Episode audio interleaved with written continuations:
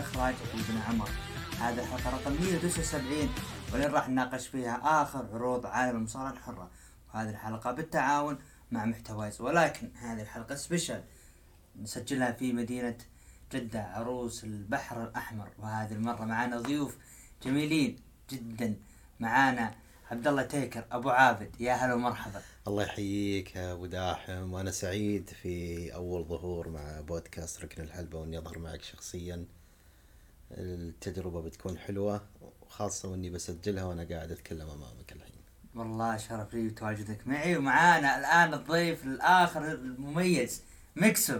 يا هلا. هلا هلا هلا إن شاء الله نكون خفيفين. أنا أبو عبد يسولف كثير لكن أنا خفيف إن شاء الله. إن شاء الله. منورنا والله ومعانا المخرج اللي ممكن يتداخل بأثناء الحلقة عمر. يا هلا يا عمر. يا حبيبي حياك الله. حياكم الله يا شباب. إن شاء الله تكون تجربة حلوة ونسعد بتواجدكم معنا. مخرج أنت لازم فلوس.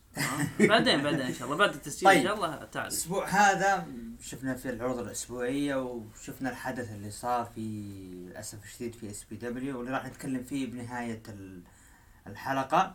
ندخل مباشرة مع الأخبار. الخبر اللي تداولوه من أسبوعين تقريبا. ولكن الآن صار رسمي. مم. إزالة إيج من قائمة نجوم ال WWE الداخلية. وفي عدد من العاملين معتقدين بأنه فعلا مرتبط مع AEW مستقبلا. أبو عابد إيج قريب مرة ل AEW موضوع إيج آه، هو كله مرتبط آه، بالشغلات اللي هو كان هو اللي هو كان طالبها من البداية.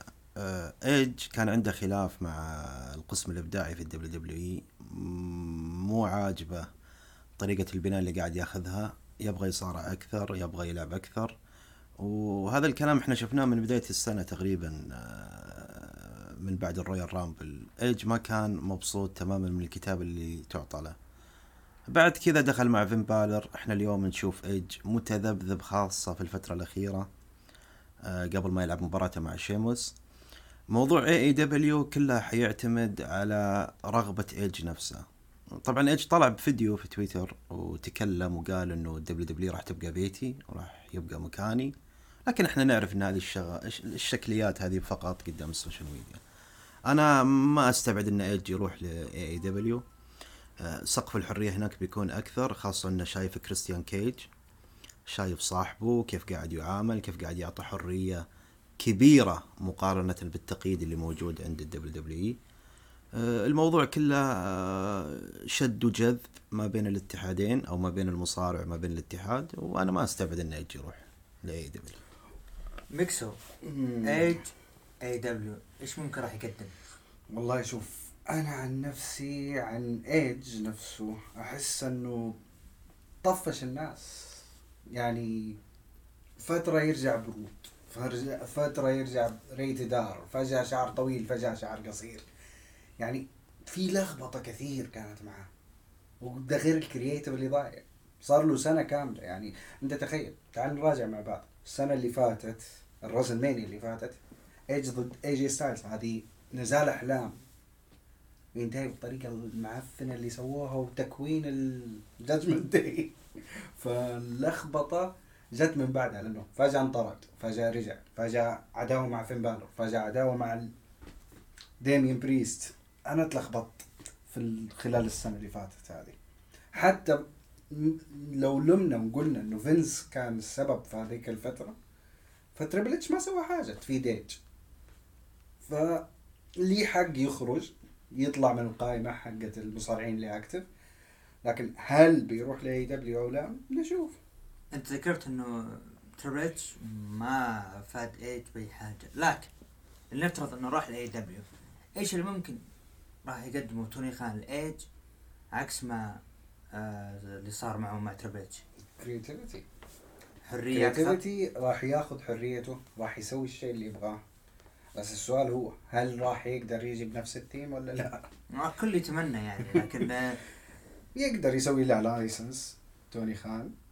لكن يسوي الكت حقت يا زي الكولت اوف بيرسوناليتي اشتغلت في دبليو دبليو اي دبليو صحيح. ف... برضه يو اف سي لكن اليو اف سي. كانت هي قريبة يو اف سي يو اف سي كانت آه، تقريبا نفس نفس النسخة حق الدبليو دبليو إي. لأنه تو طالع. فما لحقوا يسووا لها composing جديد. في AEW سووا لها دقة التلفزيون القديم اللي في البداية. أيوه. بعدين. دخلت. شوف أنا أقول إنه توني خان يبغى موضوع الخبرة. هو, هو ليش مستانس من كريستيان كيج مثلا؟ ليش مستانس من بيج شو من مارك هنري؟ لأنهم أصحاب تجارب. أصحاب تجارب أه، سافروا في أكثر من دولة جربوا أكثر من عرض لعبوا قدام جميع طبقات المشاهدين قاعة صغيرة قاعة متوسطة قاعة كبيرة WrestleMania عندهم moment. آه لو تشوف ال- ال package اللي كانوا يسوونه مع ال WWE تلقاهم لعبوا face لعبوا heel لعبوا tag حققوا ألقاب مختلفة.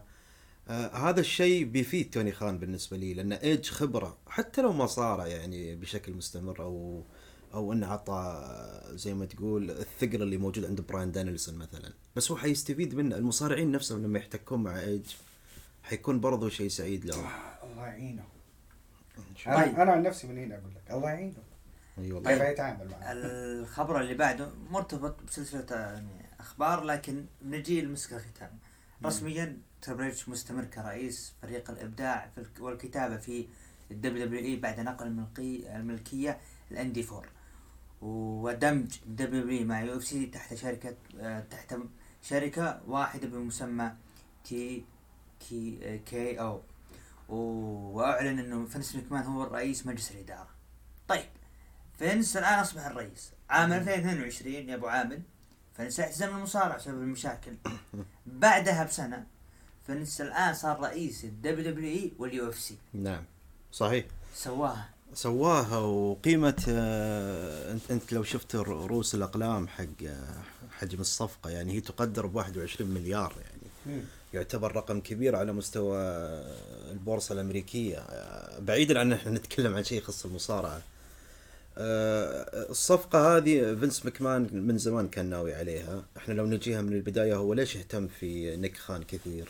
ليش أعطى نيك خان صلاحية أكثر من صلاحية آه، شين على وقته وستيفاني وحتى تريبل اتش لأنه businessman وفاهم إنه التجهيز ال WWE للشراكة مع Endeavor المالكة لل UFC يحتاج عدة إجراءات. موضوع التسريحات اللي كان يصير موضوع تغيير نمط المحتوى آه، الصفقات اللي سووها على مستوى الدول آه، منها صفقة عروض المملكة العربية السعودية منها صفقة الهند منها صفقة ديزني منها صفقة آه، BT Sport وقبلها لو بنحسبها من صفقة Fox ترى كل هالأشياء هذه كانت تجهيز وإحنا لا ننسى إن UFC يعني هي ال baby من من قناة Fox نفسها لو. ترجعها من لا، البداية Spike أول شيء لا Spike كانت لا أول شيء كانت Fox. Spike بعدين راحت Fox okay. بعدين ESPN بس آه، شوف مم. على موضوع نيك خان ليش هو نجح وحافظ على مكان ال CEO يعني دحين إحنا قاعدين نشوف نزالات فيها sponsors صحيح. يعني ما- ما العروض العروض ال big four ال Mania اللي فاتت كل نزال كان ليه sponsor صحيح. فهذه الفائده اللي جايبها نيك خان إنه تشوف sponsor في كل نزال ال sponsor هذا يحط الفلوس WWE تستفيد. عشان كذا WWE انباعت ب 9 مليار وانحطت فوقها 12 مليار نعم. عشان تكون TKO بشكل مظبوط وفي نفس الوقت اللي استفادته UFC إيش؟ من الصفقة دي. ال crew. ال crew اللي حق التصوير وغيره ينقلوا سريع سريع. لأنه أسرع شيء أسرع crew في الحياة ينتقل هو الكرو حق دبليو دبليو. لأنه لو تلاحظ يوم الاثنين Raw ثلوث عرض محلي ربوع عرض محلي خميس عرض محلي SmackDown. بعدين الجمعة SmackDown نفسه. مظبوط. فسرعه الكرو حق دبليو دبليو استفادت منها ال UFC وبكذا حد حتفيد الشركة مستقبلا. اللي هي TKO ميكسو فينس. مم. بعد المشاكل اللي صارت والاعتزال وما راح. يرجع.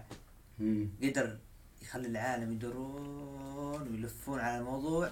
ورجع وصار أقوى من قبل. ومنصب أقوى من قبل بعد. ما أنا قلت لكم. أنا قلتها بتويتر. فينس حيدفننا كلنا. سواه.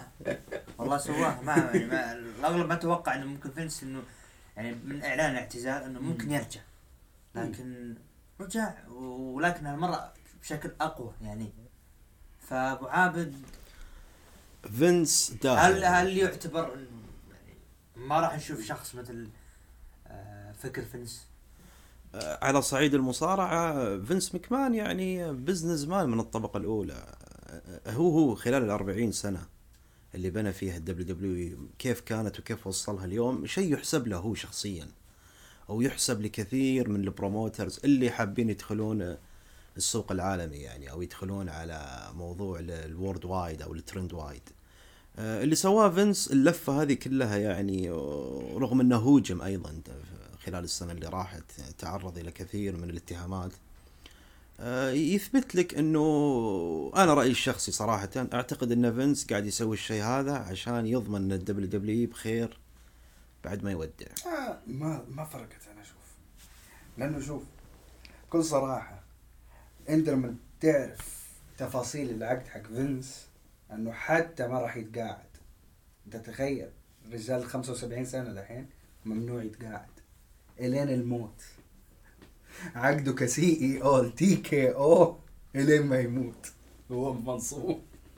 عاد من الوريث يا ترى؟ من اللي راح يورث؟ من اللي راح يكون مكان فنس والله شوف أنا أنا أشوف إنه لو حيرفعوا واحد من الشركتين اللي تحت حيرفعوا دانا وايت. لأنه نيك خان صح تفكيره marketing أكثر لكن خلينا لا نمزح مع بعض. دانا وايت هو و ال Fertittas. أخذوا ال UFC بمليون دولار واحد. okay وصلوه ل 4 مليار. okay؟ وباعوه بعدها لل Endeavor. تقريبا زي. ال WWE قبل. أول ما اشتراها فينس مليون بعدين؟ فينس أخذها بمليون من مين؟ من أبوه. وهي ناجحة. هي ناجحة في نيويورك. مو. ال UFC. ال UFC أنت عارف لما اشتروها. إيه. ال Fertittas ودانا وايت ترى كان عبارة عن cage اللي هو الثماني هذا. إيه. كان عب- عبارة عن آه، اسم بس. ما في مقاتلين مق- مو- موقعين عقد. أها مع ال UFC. Okay. فبنوها من الصفر. وفي الخبر الأخير اللي يعني صارت فيه ضجة إدارة ال WWE قامت بسحب مات ريدل من عرض ال Raw اللي راح نتكلم فيه بعد أحداث مطار نيويورك الأخيرة.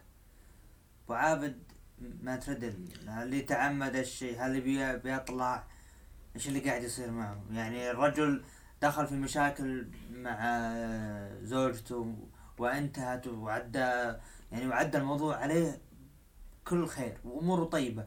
بعد شفنا قدم أشياء جميلة لكن الآن رجع ويعني كأنه في من ريحه جيف هاردي بالمشاكل هو بالخط العريض كذا وبالمختصر من يوم ما راندي أورتن أصيب وابتعد عن مات ريدل ومات ريدل من سيء إلى اسوء سواء على مستوى ال booking سواء على مستوى الحضور حتى على مستوى أداء على الحلبة.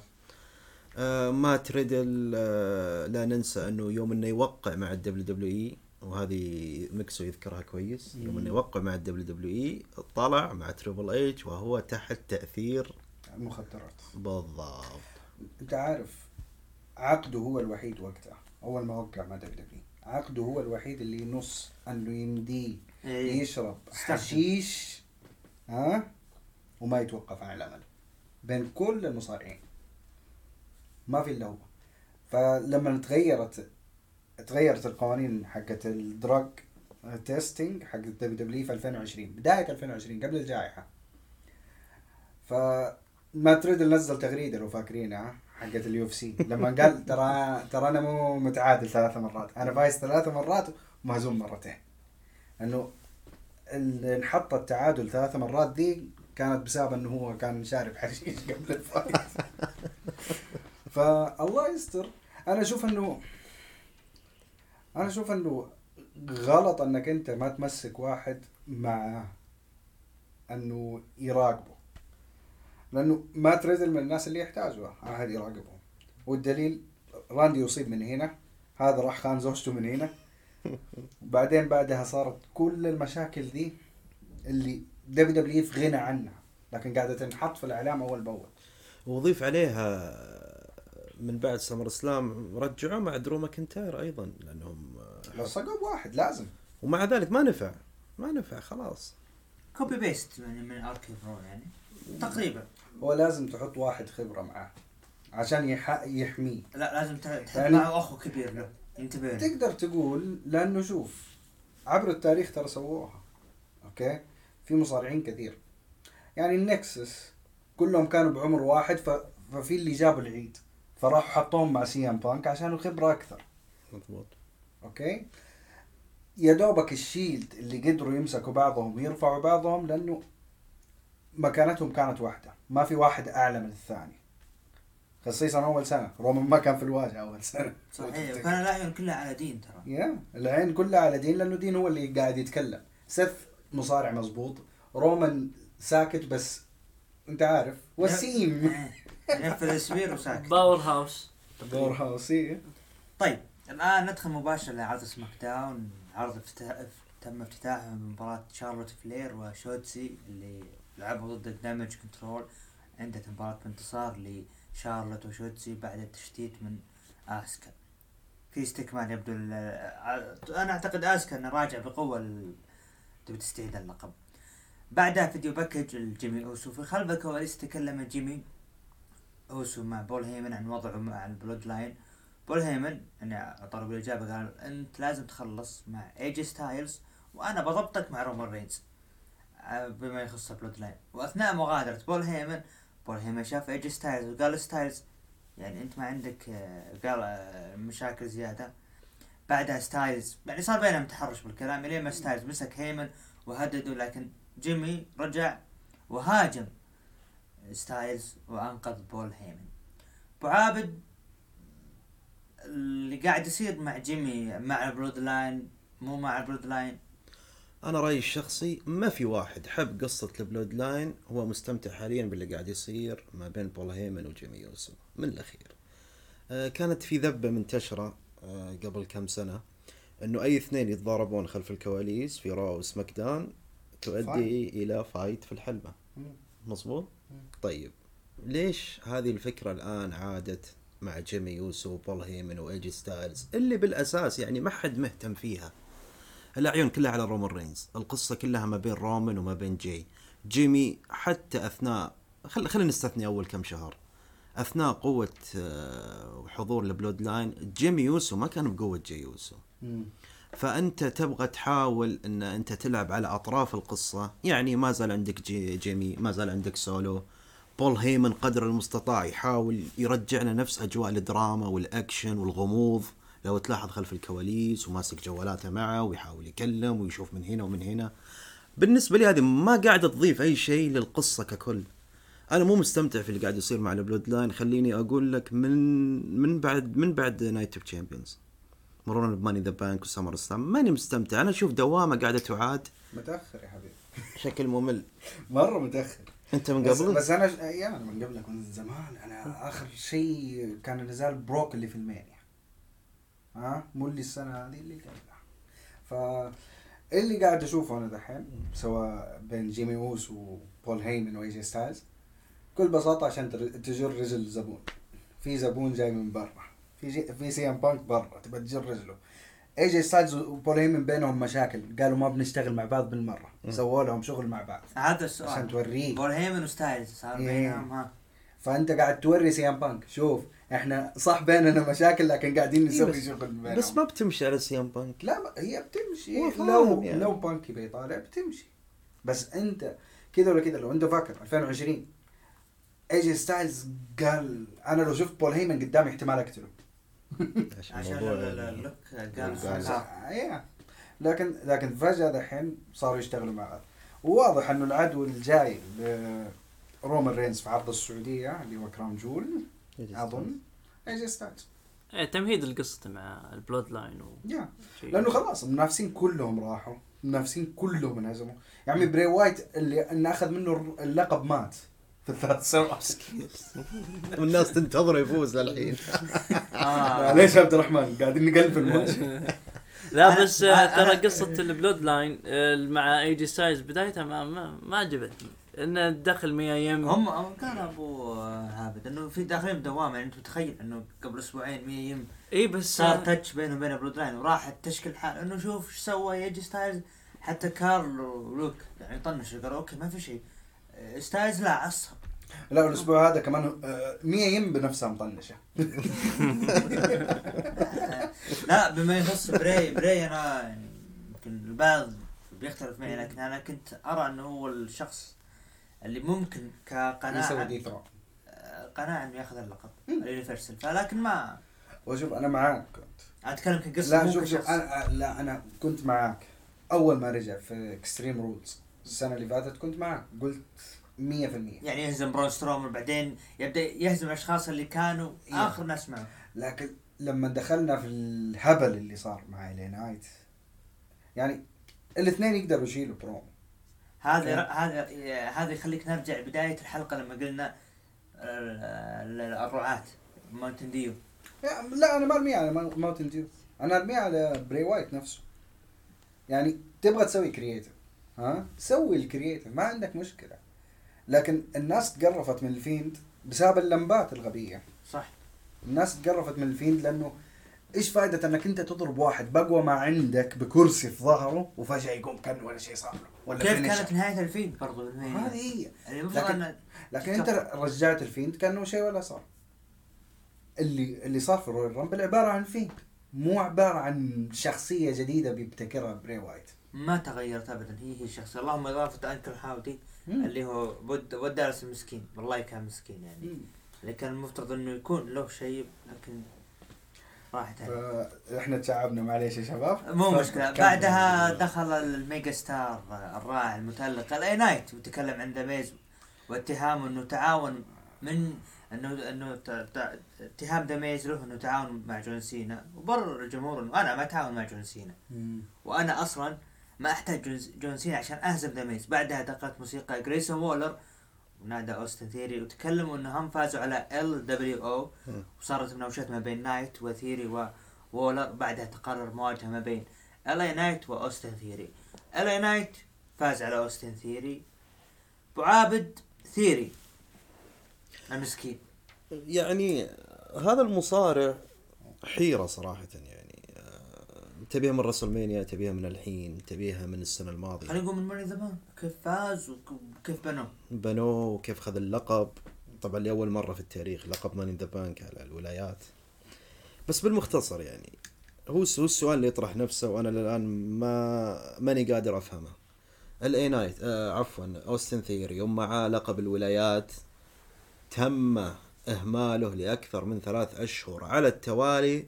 بحجة إنه عقد فوكس لا يسمح. طبعا تريبل اتش طلع في مؤتمر ماني ذا بانك وقال هذا الكلام مش صحيح وما في شيء اسمه عقد.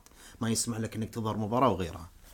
طوال ما كان مع اللقب مسحوب عليه في المهرجانات. خسر اللقب لمستريو لعب في بايباك كخصم ضد ري مستريو ليش؟ وليش أنت بالبداية حطه مع جون سينا في الرسلمانيا؟ اللي هي أساسا عبارة عن برومو واحد أربع أسابيع skip مباراة مباشرة.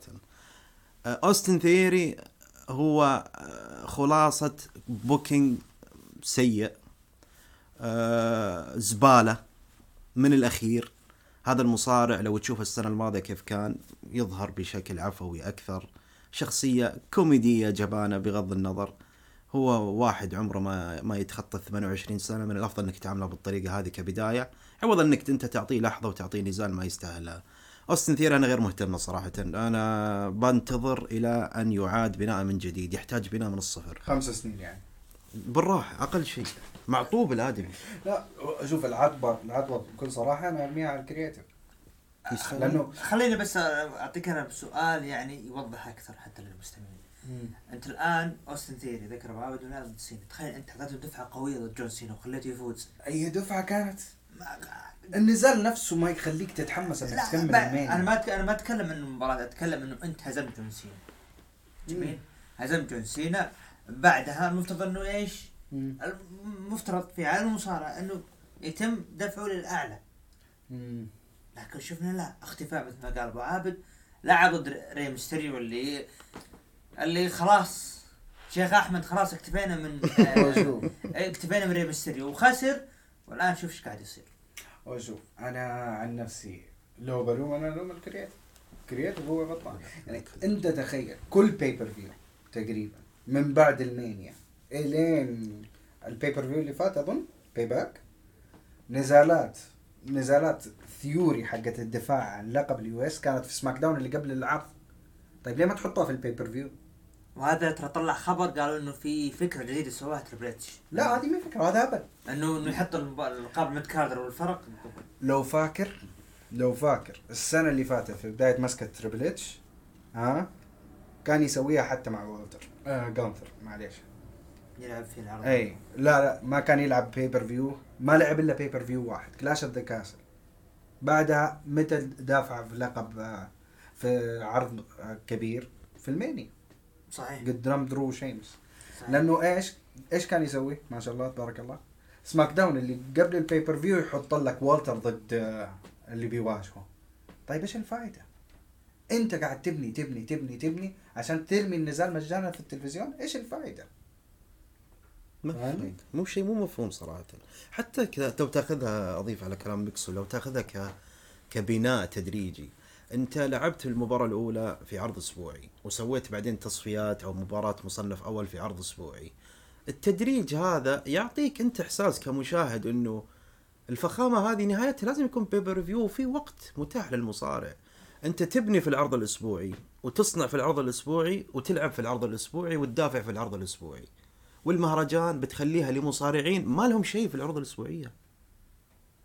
يعني ليش أنت تعطي الثقل هذه للقصة كلها؟ تعطيها 20 30 دقيقة كل أسبوع بناء. ما ما فيها شيء ما لها شيء بقى. ما لها شيء في المهرجان. طيب أنا أتابعها في العروض الأسبوعية. أنا أسألك بالله طوال تاريخنا في متابعة ال WWE إيش اللي يجي على بالك أول؟ نزالات العروض الأسبوعية ولا الشهرية؟ شهريه بالضبط. بالمختصر. لا هو هو بي بيجيب اهتمام للعروض الأسبوعية. بالطريقة هذه هو يبي يجيب بس المشكلة عارف إيش هي؟ أنه مع أنك أنت قاعد تجيب اهتمام للعروض الأسبوعية لكن قاعد تضر ال pay per view يعني بسألك سؤال أوكي؟ خلال السنة اللي فاتت إلين دحين ها؟ إيش فاكر نزالات من pay per view من عندنا اصابع كونثر يا جونثر شيمس جونثر شيمس درو كودي رومان بسألك سؤال من غير ما تفكر جاوبني على طول. رومان واجه مين في SummerSlam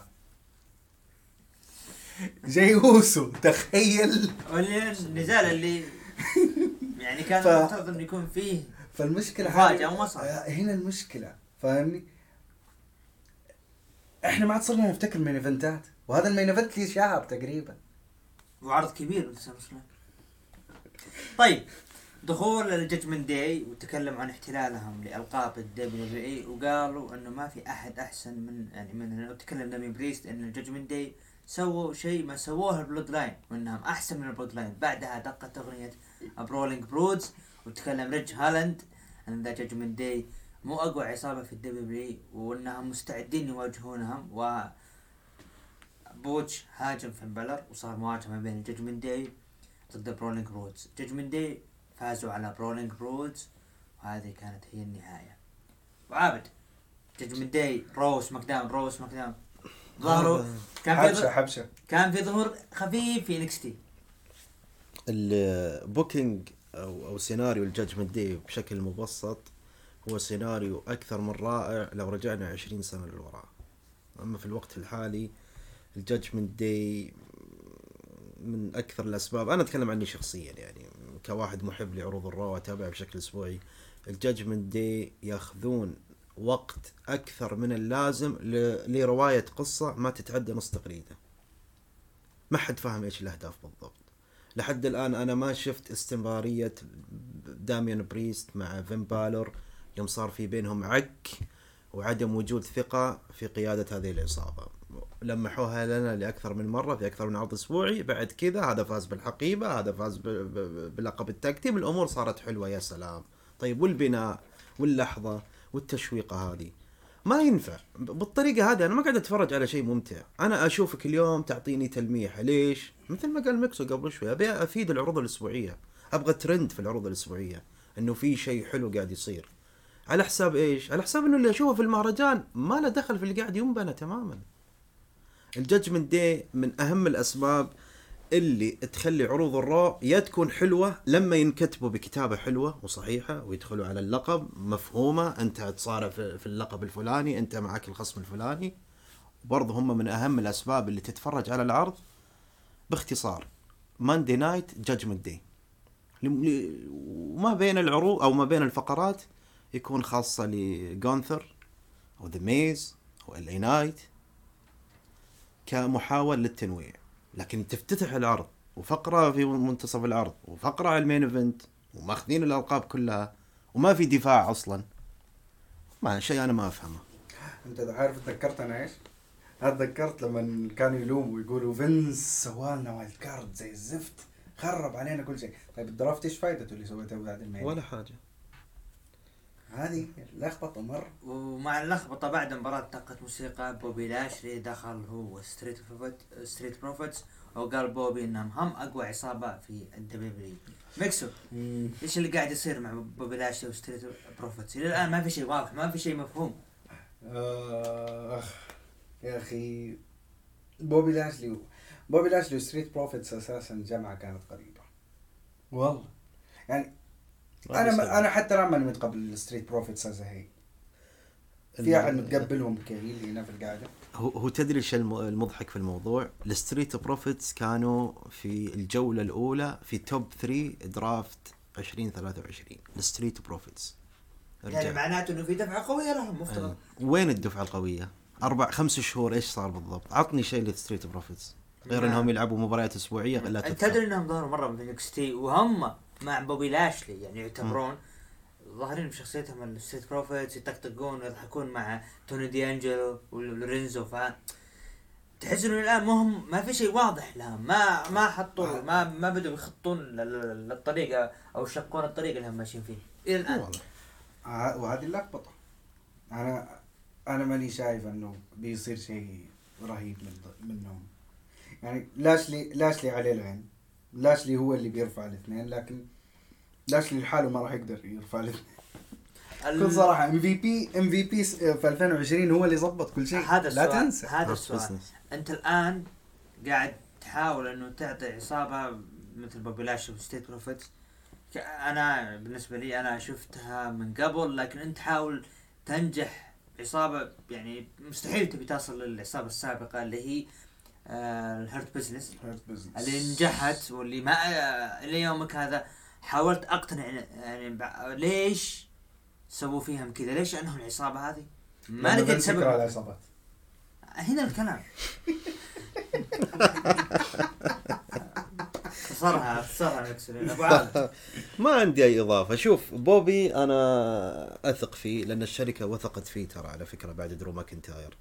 بعد درو ماكنتاير بوبي لاشلي هو اللي شال اللقب قدم فترة حلوة. بوبي ما هو مصارع A plus ولا هو مصارع D plus مصارع حاضر مستوى ثابت. عرض أسبوعي عرض شهري عرض محلي مهرجان راسل مانيا ايا يكن. بوبي لاشلي بيطلع يقدم لك مباراة بي حلوة ممتعة آدمي ثقة ما أعتمد يخذلك. عليك. ما تخذلني ما توهقني ما أعطيك دفعة وتسبب لي إصابة. آه القوة الجسدية عنده حاضرة والدبليو دبليو تبي واحد زي كذا واحد كرف. أنا وين ما أوديك أنت جاهز. تعال يطلع لي في مقابلة. يلا على الجولة الفلانية على كراون جول تعال السعودية مثلا. تخلص من السعودية تطلع على عرض محلي. من العرض المحلي تستعد على ديسمبر أو على الرويال رامبل. لا. أنت حاضر. لا تنسى إن التايب حق فينس مكمان بعد. بالضبط. إيه. سويتي مان خلف الكواليس آه، ستايلز زعلان إن ال- ال- ال- الأو سي ما كانوا متواجدين معه أثناء هجوم. جاي. ولا تستغرب إنه هو من قبل طالب إنه ما ما بيها يعني ما بيكم تكونوا موجودين. والآن زعلان عليهم وقال ما بيكم تكونوا متواجدين. حولي بالحلبة. لا لا وميم اللي جنبهم شايفة؟ سو بريئه مبتسمه بريئه بريئة يعني يعني هي اللي سوت المشكلة وسوت نفسها مجنونة. ايجي ستايلز لاعب جيمي اوسو انتهت مباراه من انتصار لايجي ستايلز بعد مباراة جاجمنت داي هاجموا على ايجي ستايلز ورموه للحلبة. لنشوف سولو سكوا اللي دخل وانهى ايجي ستايلز مشاهدات العرض كانت مليونين وتسعين ألف مشاهد. أبو عابد مسك الختام لسماك داون. هذه هي النهاية. رأيك؟ آه القصة هذه كان لازم تنتهي أنا أتفق مع كل شخص يقول قصة البلود لاين كان لازم تنتهي. اللي قاعد يصير لسولو سيك هو قاعد يضره كمصارع ما قاعد يفيده بأي شيء. أنا ماني مستمتع في هذا الم... أنا ما أثق فيه حتى إنه يمسك لقب mid card. أنا أشوف جيبل أشوف جانثر أشوف أي اسم. كان أخذها تحت شون. لقب ال mid card كان أخذ لقب النورث أمريكا تحت شون. وممكن ويا دوب يطلع بشيء حلو. هي سولو سيكوا قاعد ينضر سولو سيكوا ما له مسيرة فردية. و- وبالمناسبة أنا ضد اللي قارن آه، يقول لك تريبل اتش كانت عنده نظرة الإيفولوشن مع باتيستا وراندي والآن يحاول يعكس على سولو سيكوا الكلام هذا. عاري من الصحة. باتيستا كانت له مسيرة فردية بالإضافة إلى دوره مع تريبل اتش والايفولوشن وريك فلير وراندي. ريكو أصلا كانوا متو- متوزعين على الألقاب يعني مو ولهم مسيرة. صحيح. هم ف... نعم يساعدون ترو- تريبل اتش القارات مع راندي ال tag مع ريك فلير وباتيستا العالم كان مع تريبل اتش فكانوا متوزعين حتى في العداوات يعني مو داخلين مع بعض. لكن أنا بسألك سؤال. سؤال. الاوسز الأوسز ما راح ياخذوا لقب tag team لأنه خلاص فضت. نعم. سولو إيش بتعطي سولو؟ لقب الولايات اللي مع ري تبي ميستيريو ارجع قديم؟ هذه في خبر طلع. إنه ممكن سولو هو اللي ينهي رومان ياخذ القاب ما يستاهل. توصل شيء أنا ما. يستاهل والله. لا مو مو كرها في المصارع. مو هذا كره خبر. مو كره إيه. ما إحنا يستاهل نبغى واحد شوف ايا كان اللي راح ياخذ اللقب. لازم يكون جاهز. أوكي؟ لا لا تسوي لي نظام ايرون شيك قبل لا تعطي اللقب لهولك هوجن مظبوط. لأنه ما ينفع. ما ينفع. انت في زمن لو حتى صورة صورتها حتوصل ال social media في ث- في ثواني. وهذا اللي نجيها في NXT والاشياء اللي صار. طيب تقييمك العرض ابو عابد.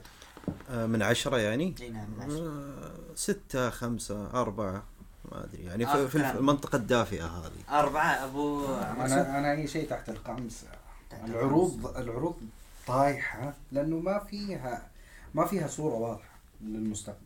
المتابعين قيموا العرض من 9 ل 10 ب 13% ومن كنا 5 سكبني. إلى 8 ب 60% كنا سكبني. من 5 ب 27% أنت متواجد تداخل بعض الأشياء. طيب عادي. أقدر أعطيك رأيي يعني. تفضل. دكتاتور دكتاتوري ترى. ترى دكتاتوري. عطني التقييم. لا لا خلاص خلاص. لا عرف- عرفنا جوك. أنت. طيب لا ناخذ رأيك بكلوجن. ها؟ ناخذ رأيك ب Collision لا خلاص أنا بطلت طيب. Collision AEW Collision افتتح العرض برسالة قوية من جو إنه قادم من أجل MJF وإنه يتوعد سموه جو. رودريك سترونج قال إنه أنت مسكين. يا دربي آلن إنك ضدي ودربي آلن تكلم إنه أنا جاهز لرودريك سترونج افتتح العرض على لقب ال international المتحدي أكشن اندريتي آه، ضد البطل جون موكسلي. وانتهت المباراه بانتصار لجون موكسلي. بالإخضاع وحفاظه على اللقب. ميكسو. لا ما لا تقول ميكس لا، خلينا معاه طال القعده خليني أسألك عن ال- اللقب. يعني كيف كنت ترى مسيرة اللقب مع أورنج كاسيدي سابقا؟ وإيش يعني متوقع مستقبلا مع جون موكسلي شوف أورنج كاسدي قدم فترة رهيبة أوكي؟ اللي يكره أورنج كاسدي حتى بيقول. أنا اولا. فترة. فترة اورنج كاسدي اللي سواه اورنج كاسدي ما سواه أي مصارع ترى. لكن في نفس الوقت أوكي؟ أنا أنا أنا من الناس اللي طفشان من فكرة إنك أنت تسوي open challenge كل أسبوع عشان البطل يدافع. أوكي؟ وحتى فوق ذا كله فوق ذا كله open challenge لا تعلن اسم المصارع اللي بيشارك. فاهمني؟ إنه أوه ترى يو- يوم الجمعة في Rampage Rampage يجيك يقول لك أوه ترى أكشن أندريتي قبل وحيواجه جون موكسلي إيش الغباء ده؟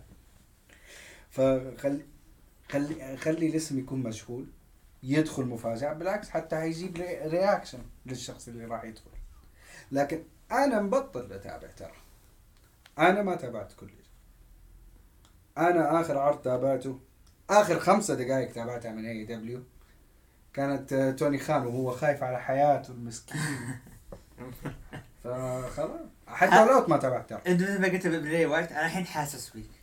ما, ما علينا طيب رودريك سترونج تحدث عن علاقته مع آدم كول وإنه يحب كول وإنه إحنا مثل اخوان ولكن يؤلمني إنه آدم كول يقول ل MJF انه اخوه مباراة على لقب T آه، TBS النسائية المتحدية روبن را- رينيجيد ضد البطلة كريس ستاتلندر وانتهت بانتصار لكريس وحفاظ على اللقب. بعد المباراة الأختان رينيجيد هاجموا كريس لكن دقت الموسيقى بعد غياب طويل من المصارعة الغائبة جيد كارجيل رجعت وهاجمت الرينيجيد وجلدتهم لتنقذ كريس. ولكن قررت إنها تقلب على كريس ورفعت لقب TBS أمامها. ويبدو هذه العداوة راح ترجع تستكمل وتطلب ال rematch. طيب بسألك سؤال. بسألك سؤال وجاوبني بصراحة. المشهد هذا ما شفته قبل كذا؟ بكل صراحة قبلها بأسبوعين بالضبط صار نفسه. مرسيدس مارتينيز واجهت كريس ستاتلاندر أوكي؟ حلو. أو ديامانتي معليش. واجهت كريس تاتلاندر. ورجعت آه، وفازت عليها كريس ستاتلاندر وبعدها ديامانتي هجمت على كريس ستاتلاندر. قامت دخلت مرسيدس مارتينيز وساعدت كريس في البداية بعدين صفقتها مع ديامانتي تكرار. طيب إيش الفائده؟ قل لي ليه ليه اللقب اللقب مبدئيا حق TBS ما كان مضبوط إلا على جيد لأنه جيد هي اللي رفعته. لكن لما أنت أعطيته للكريس حتى التلفزيون ما تشمه كريس. يعني حتى لو تبغى تدافع عن لقبها ف Rampage ما يحطوها في لا في Collision ولا في داينامايت يعتبر ترى شبه مسحوب عليه رغم إنه يع- يعطون مباريات فيه لكن ما خلاص. هذا هو ال- الشيء اللي باع Collision كان إنه إنه هو الشيء المختلف.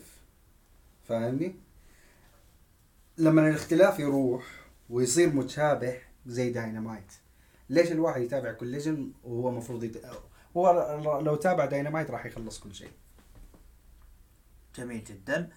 توني شيفاني في لقاء مع كلاوديو كاستانيولي وإيدي كينغستون لحل المشكلة لكن إيدي لا زال مشخصنها مع كلاوديو وقال إيدي إنه أبي فرصة على لقبك وقال كلاوديو سهل جدا بشرط إنه أنت يا إيدي تصافحني وتحترمني في داينامايت وأعطيك فرصة بس ما راح تفوز. عليه وغادر وجلس إيدي مع توني شيفاني وقال شكلي أنا بوافق على شرط اللي هو كلاوديو كاستانيولي بعدها شفنا البوليت كلوب جولد ضد جرافيتي و ايرو ستار وانت. وانفرماندو وأنت تبارك انتصار لفريق البوليت كلوب جولد سي جي باركر أول معروفة ب لأن.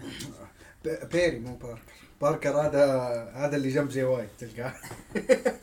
شفنا تشرح سبب ظهورها في All Out بعد المباراة اللي كانت ما بين ميرو وباور هاوس هوبس وتوضح سي جي إنها فقدت ميرو بعد ما فاز بعد ما. خسر لقب ال TN T هي الآن تشرح. بعد ما فاز في البداية بلقب TNT وبعد ما خسر وميرو صار ش... بعد الخساره ش... صار شخص عنيد وتخلى عن كل شيء بما في ذلك زوجته. وتقول إنه أنا أفضل مديره مديرة في المصارعة.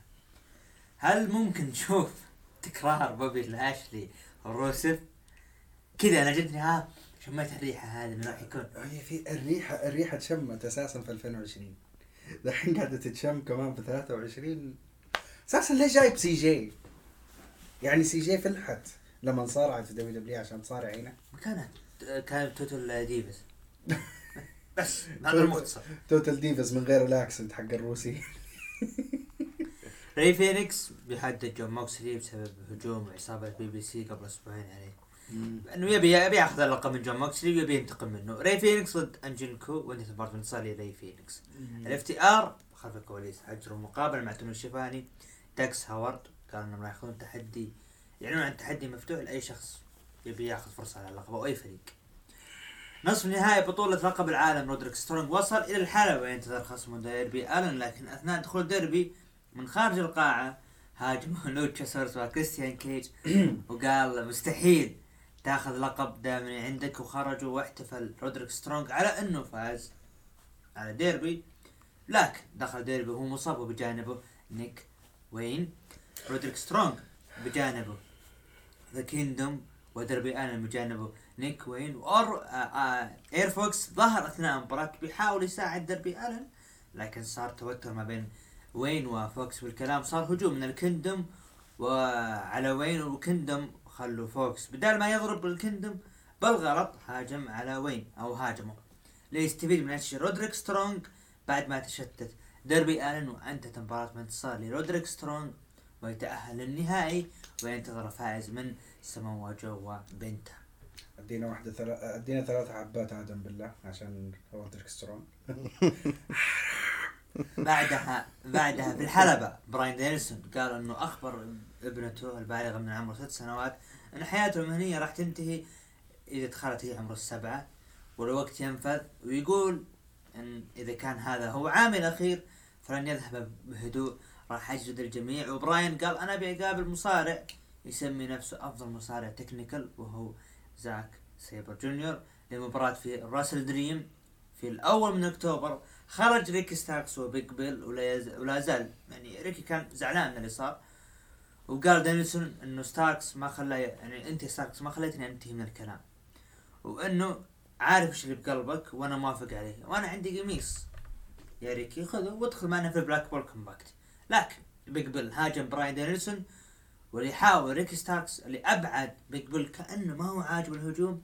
ولكن ريكي ها ق- طلع إنه لا مؤيد الهجوم وهو اللي استمر. جلد براين دانيلسون إلين ما دخل جون موكسلي لكن بيج بيل وجون موكسلي آه، جلد آه، بيج بيل جلد جون موكسلي وريكي آه، خنق براين بحزام ستيم بوت ال- ال segment هذا ما شفناه مع جيد و. كريس. نعم. نفسه بالضبط. نفسه بالضبط. طيب ميكسو براين هل هو الشخص اللي يقدر يشيل حمل Collision مستقبلا؟ لا. لأنه شوف Collision على قد ما أنه كان مستفيد باسم CM Punk على قد ما أنه كان مستفيد بال roster القليل. okay؟ ال roster القليل هو اللي رفع من Collision خلال الأسابيع اللي راحت. فلما أنت تسوي الخلطة بين Dynamite و Collision و Rampage إيش الفائده؟ لا لو تابعت داينامايت ما يحتاج أتابع لا Collision ولا Rampage. وهذا اللي صار هذا اللي قتل Rampage في البداية. إنه ليش أتابع Rampage والعرض مسجل ويمديني اتفرج أتفرج على النتائج أول بأول؟ يد واحدة ما تصفق. آه، شوف براين آه، ترى ميزته في AEW إنه نعم يدخل على ال main event آه، يساعد يعطي ال- البطل مباراة حلوة لكنه هو يتصدر المشهد لوحده واللي تحته كلهم يحاولون يصعدون ب level ه. ما هي طريقة بناء حلوة لبراين دانيلسون؟ وهذا اللي هو شغال فيه في ال Elite. أنا أشوف إنه CM Punk آه، مع Collision حي- حيتعب عرض Collision كثير. حيتعب حيتعب. لا براين لحاله حيقدر ولا حتى MJF ولا حتى غيرهم ولا حتى كيني أوميجا بعد حتى لو حضر. CM Punk يعني حالة حالة استثنائية في ال Elite. من ال debut من- من كل برو مقدمة. فجأة بعد أقل من 14 أسبوع أقل حتى بعد CM Punk بعد ما كان هو الرجل الأول في Collision الآن ما في أحد متصدر حتقول لي بحط الحمل على جي وايت لحاله ما حيقدر جي وايت. وحتى لو حطيت براين هي المساله مو مسألة إني أحط لي نزال حلو في براين دانيلسون خلاص عرض Collision بيكون جميل أو قصة حلوة خلاص عرض Collision بخير لا الموضوع استمرارية. أنا م- أشوف إنه Collision يحتاج تدخل آه، كيف حيتعامل مع توني خان؟ إحنا الآن ما زلنا يعني الوضع okay. فترة نقاهة. إي ما زلنا شهر شهرين. الكلام بعد فترة بعد فترة Collision وين رايح بالضبط؟ هل بيكون مثلا مثل داينامايت أو ممكن يكون آه. مثل آه، Rampage؟ ممكن بيكون الساعتين المطولة من داينامايت اللي ما شفتها آه، في منتصف الأسبوع. ما هذا اللي صار في Collision هذا الأسبوع. بكل صراحة كنا عرض أربع ساعات. انت لما سويت recap قبل شوية. قلت النزالات أنا أنا في دماغي قاعد أقول هذا كان كأنه Dark كأنه Elevation Collision عبارة عن نزالات تسليكية. ليش أتابع Collision عشان برومو واحد من براين دانيلسون هو اللي كان مفيد فيه. الباقي مرة ولا شيء مفيد. طيب الإعلان عن بيج بيل ضد الانترنا... آه، ضد بطل international جون موكسلي على اللقب في دينامايت القادم. خلف الكواليس بيج بيل يتباهى بجلده لموكسلي وقال راح أسويها مرة أخرى ضد موكسلي وفي ديرته لكن تدخل اللوتشا براذرز وقال أليكس إنه ما تتخطى ال line يا بيج بيل يا بيج بيل وإنه ري يبي جون موكسلي؟ وقال بيج بيل أنت وإنت ركز على مباراة خويك بنته بعدين تعال تكلم ال main event آه، نصف النهائي بطولة ب- آه، مصنف الأول على لقب العالم انضمام جيم روس لطاولة التعليق واللي نشوف هذا الشيء نشوف شبه أسبوعي. بنتا ضد سموا جو انتهت بانتصار لسموا جو ليقابل رودريك سترونج في دينامايت القادم بالنهائي والفائز ما بينهم راح ياخذ فرصة على على اللقب ضد ام جي اف وبذلك نهاية العرض بمشاهدات 476 ألف مشاهد. هذا كان بما يخص عرض اللي هو داينامايت كوليجن أو عفوا كوليجن sorry داينامايت 2.0 عادي. آه لا. لا بجيك حاجة بعد شوي. داينامايت بما يخص بكليج للعالم اللي كانوا متوقعين شيء وصار شيء ثاني. المتابعين قيموا العرض من 9 ل 10 ب 25% ومن 5 ل 8 قيموه ب 63% أقل من 5 قيموه ب 12% هذا كان بما يخص عرض داينامايت أو عفوا كل- كوليجن مباشرة نذهب إلى عرض الرو افتتاحية العرض بدخول جاي أوسو ورحب بالجمهور وقال إنه مرتاح إنه إني أنا خارج البلود لاين والأهم إني أنا مستأنس أنا داخل عرض الرو بعدها دقت موسيقى. فخر كندا طبعا هذا التقرير كاتبه عمر. فخر كندا وكبيرها كيفن أوينز وتكلم آه الدباني يعني يقصد إنه دب وقال إنه انت انت تقصد إنه أنت متواجد في عرض كيفن أوينز. وأكمل وقال كنت في نفس مكانك ونفس وضعك واعلم بالشعور اللي تمر فيه وسويت أشياء سيئة للناس طيبه أخذ مني الوقت عشان الناس يثقون فيني. في مصارعين الان ما يحترموني وما يثقون فيني. ريدل وماكنتاير مو الوحيدين اللي ما يبونك في عرض الرو. ما راح يكون سهل عليك إنه أنت تكسب احترام الناس. يبي لك وقت طويل عشان آه تكسب آه عشان أثق فيك وتكسب احترامي. وأنت مو نفس الشخص السيء اللي كنت عليه في البلود لاين بعدها دقت موسيقى جاجمنت داي وقال فين بالر ما حد يكلم جاي زي كذا. أنا أحترمك وأعضاء الجاجمنت داي يحترمونك بعد.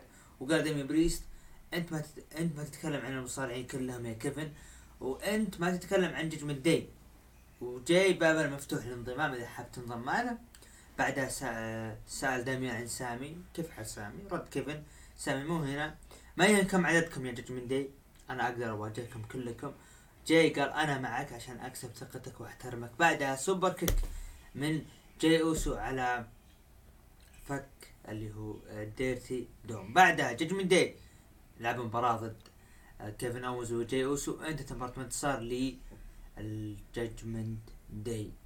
وشفنا توتر ما بين كيفن وجاي بعد ما الأخير كلف كيفن الخسارة واللي بعد ما ضرب كيفن بالخطأ. أبو عابد. افتتاحية الرو. آه عرض الماندي نايت رو. آه يعني هو بالمختصر المفيد اللي قاعد يصير فيه عرض الرو. لو بناخذها من بعد باي باك إلى عرض اليوم. آه يتمحور حول خمسة مصارعين. آه هم اللي دائما على نفس النمط على نفس الصورة. كيفن أوينز وسامي زين وموضوع جاي أوسو اللي دخل الآن وقاعد ياخذ آه، فكرة المصارع اللي ممكن حتى يفوز على جانثر ويفوز بلقب القارات عليه لأنهم هم بنظرهم مين انتقل من قصة كبيرة في سماك داون إلى دور أكبر في عرض الماندي نايت رو. أنا متحمس للجاي. نعم متحمس. بس بنفس الوقت أنا أبغى أشوف حجم كتابة أفضل. أنا أعتقد إنه الموضوع تدريجي وفاست لين ما هو محطة حلوة. عندك ثلاث ساعات. ثلاث ساعات في خمسة مصارعين ما تنفع. ما هذا اللي قاعد يصير. بس خمس مصارعين هم. هي الدوامة حول خمسة. كيفن سامي جانثر سيث رولينز وخصمه. خصم سيث رولينز ايا يكن سواء كان ناكامورا سواء كان فين بالر. طبعا أنا مستثني الججمنت داي لأنهم هم حالة منفردة لا, شوي. لا هذول حالة منتقلة وأنت الصادق. اي في كل مكان. اي وإحنا بالدوامة ذا ميز و LA Knight عداوة ممكن تكون في سماك داون ممكن ما تكون؟ الرو ما هي تظهر هنا وهنا. بعدها ما خلصت؟ ما خلصت باقي. باقي. هذه شفت الآن بعد ما انتهت الان يقول قاعدين يعيدون وإنها تطبخ على نار هادئة. آه يا النار الهادية م- متى متى الأكل بيطلع يا شيخ؟ طيب مكسو الآن سامي وكيفن أو خلينا نقول كيفن. كيفن رجع ولا تكلم عن موضوع ألقاب الفرق وإنه اطالب فرصة بأخذ آه، مباراة إعادة؟ سؤالي. هل فترتهم في نزال يذكر غير رومان وسولو ضدهم؟ لا. هذه. بس إنه يعني يعني كمنطقيا. تعال نحسبها. خمسة شهور عدت على المانيا. ها؟ خمسة شهور كاملة عدت على المانيا ما في إلا نزال رومان وسولو ضدهم اللي تسوى مظبوط واللي كان في نايت اوف تشامبيونز صحيح ليه كذا؟ هل ال creativity انتهت ما شاء الله من بعد العداوة حقت ال Bloodline؟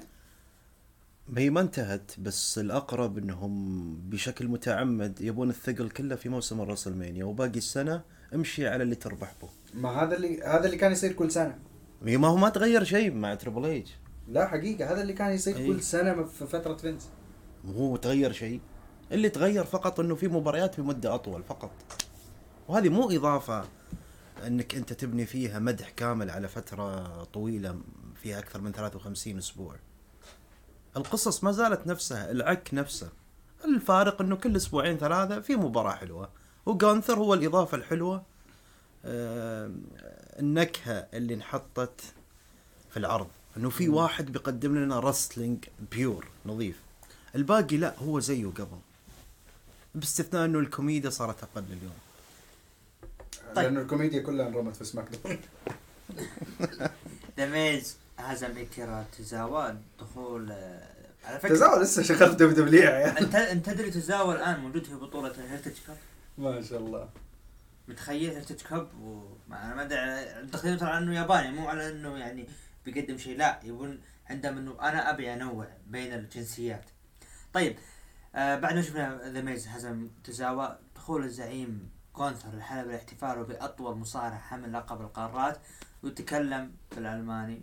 أبو ع- أبو عمر كاتب بين قوسين صح إني كاتب تقارير بس ما ترجم ألماني. وقال إنه ما في أحد كمل كلامه كونثر إنه ما في أحد راح يعيد كتابة التاريخ وإنه هو أطول وأعظم مصارع حمل لقب القارات بعدها دقت موسيقى تشاد جيبل وقال أنه سوى شيء ما في أحد من الخصوم من خصوم جانثر سواه. وأن جانثر خلى بنته تبكي وقال أنا هزمتك مرة وبهزمك مرة ثانية. وهذه المرة بتكون بتكون لمسيرتي وعائلتي وبنتي راح تطلع وهي مستانسة. ورد عليه جونثر أنه آه أنت أب قذر وفاشل بعدها هجوم من تشاد جيبل على جونثر دخل أوتيس لمساعدة تشاد جيبل لكن ما فلح بالمساعدة ليدخل تشامبا ويساعد Alpha Academy وتوماسو تشامبا و Alpha Academy فازوا على ال Imperium أبو عابد ال- ال- الفقرة هذه منتظرها أنت. آه طبعا. آه تعرف هي- الماني أبو عابد ولا؟ آه أتابع م- في مسلسلات آه، ألمانية. لا والله فيه جميل جميل. آه بشكل عام أنا من زمان ما شفت مصارع أخذ إنجاز مستحق مثل جونثر حاليا. من زمان ما شفت. واحد يعني ال... الاستحقاق بنسبة 99% كل كل يقول إن جونثر يستحق إنه ياخذ هذا الإنجاز. ولو إنه مو إنجاز مرة كبير على جونثر لأنه still لقب mid card still لقب قارات. ما هو لقب عالم. ما هو لقب بقيمة main eventer وهذه في المستقبل لما يصعد جانثر أكثر وأكثر. شاد جيبل آه، ملفت جميل. وهو بشكل عام ترى فكرة العداوة كلها مأخوذة من إليا دراجونوف في NXT بس بطريقة ال main roster وبجو ال main roster.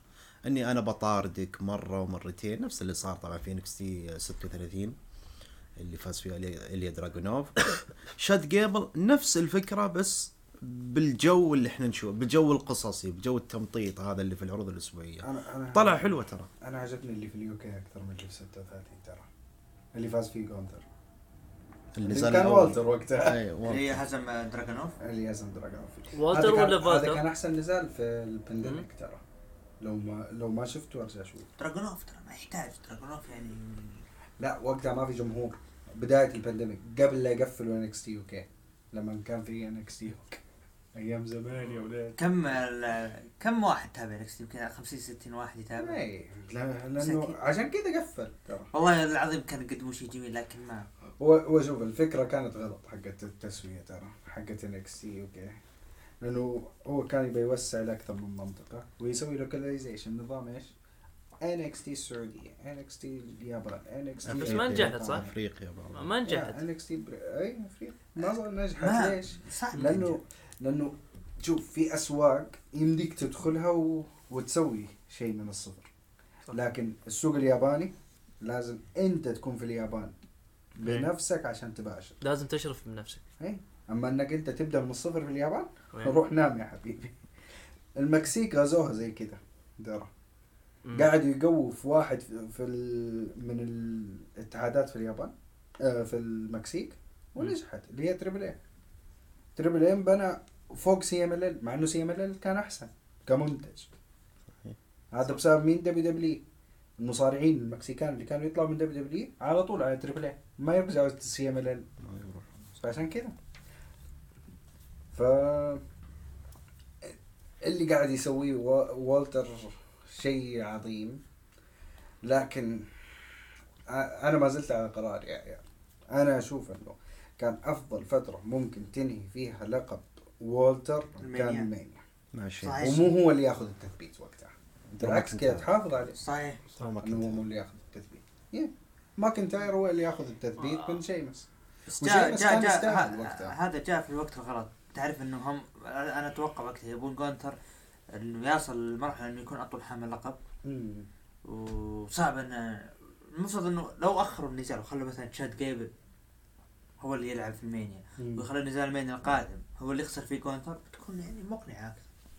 رغم إنه بتكون طويلة يعني لا شيمس ولا درو موجودين ترى. إيه المسافة المسافة هي اللي تفرق. لكن شوف أنت عارف تذكرت أنا بإيش؟ قبل لا يخسر ثيوري لقب الولايات. ثيوري كان محطوط في الكتب إنه هو كتب التاريخ طبعا إنه هو دحين أطول من مسك لقب الولايات. بعد دين أمبروس. بعد دين أمبروس. ليش؟ وهو داخل على رقم دين امبروس كان ليش؟ لأنه لأنه ما يدافع. اسبوعيا موجود. تشوف ثيوري خلف الكواليس في يده اللقب قاعد يتمشى. ما يدافع بالمرة. ولا يصور سيلفي. لا السيلفي دي أيام فينس. دحين بطلها. دحين ربي دقن تبغى تنجح فترة تريبل إتش؟ ربي دقن يعني تتوقع إني بنجح هناك يعني؟ إيه. أنت تنجح مع أوموس درو لا ماكنتاير ده أنت. نفس الطول. نفس الطول.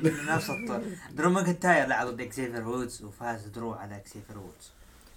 آه، دخل كودي وقال خلونا نتكلم عن جاي بعدها. أغنية دومينيك. اشتغلت دخل دومينيك وجي. دي مكتونة وقال دوم إنه جاي راح يكون فرد من فرد من أفراد عصابة ال Judgment Day وما تقدر تسوي شيء.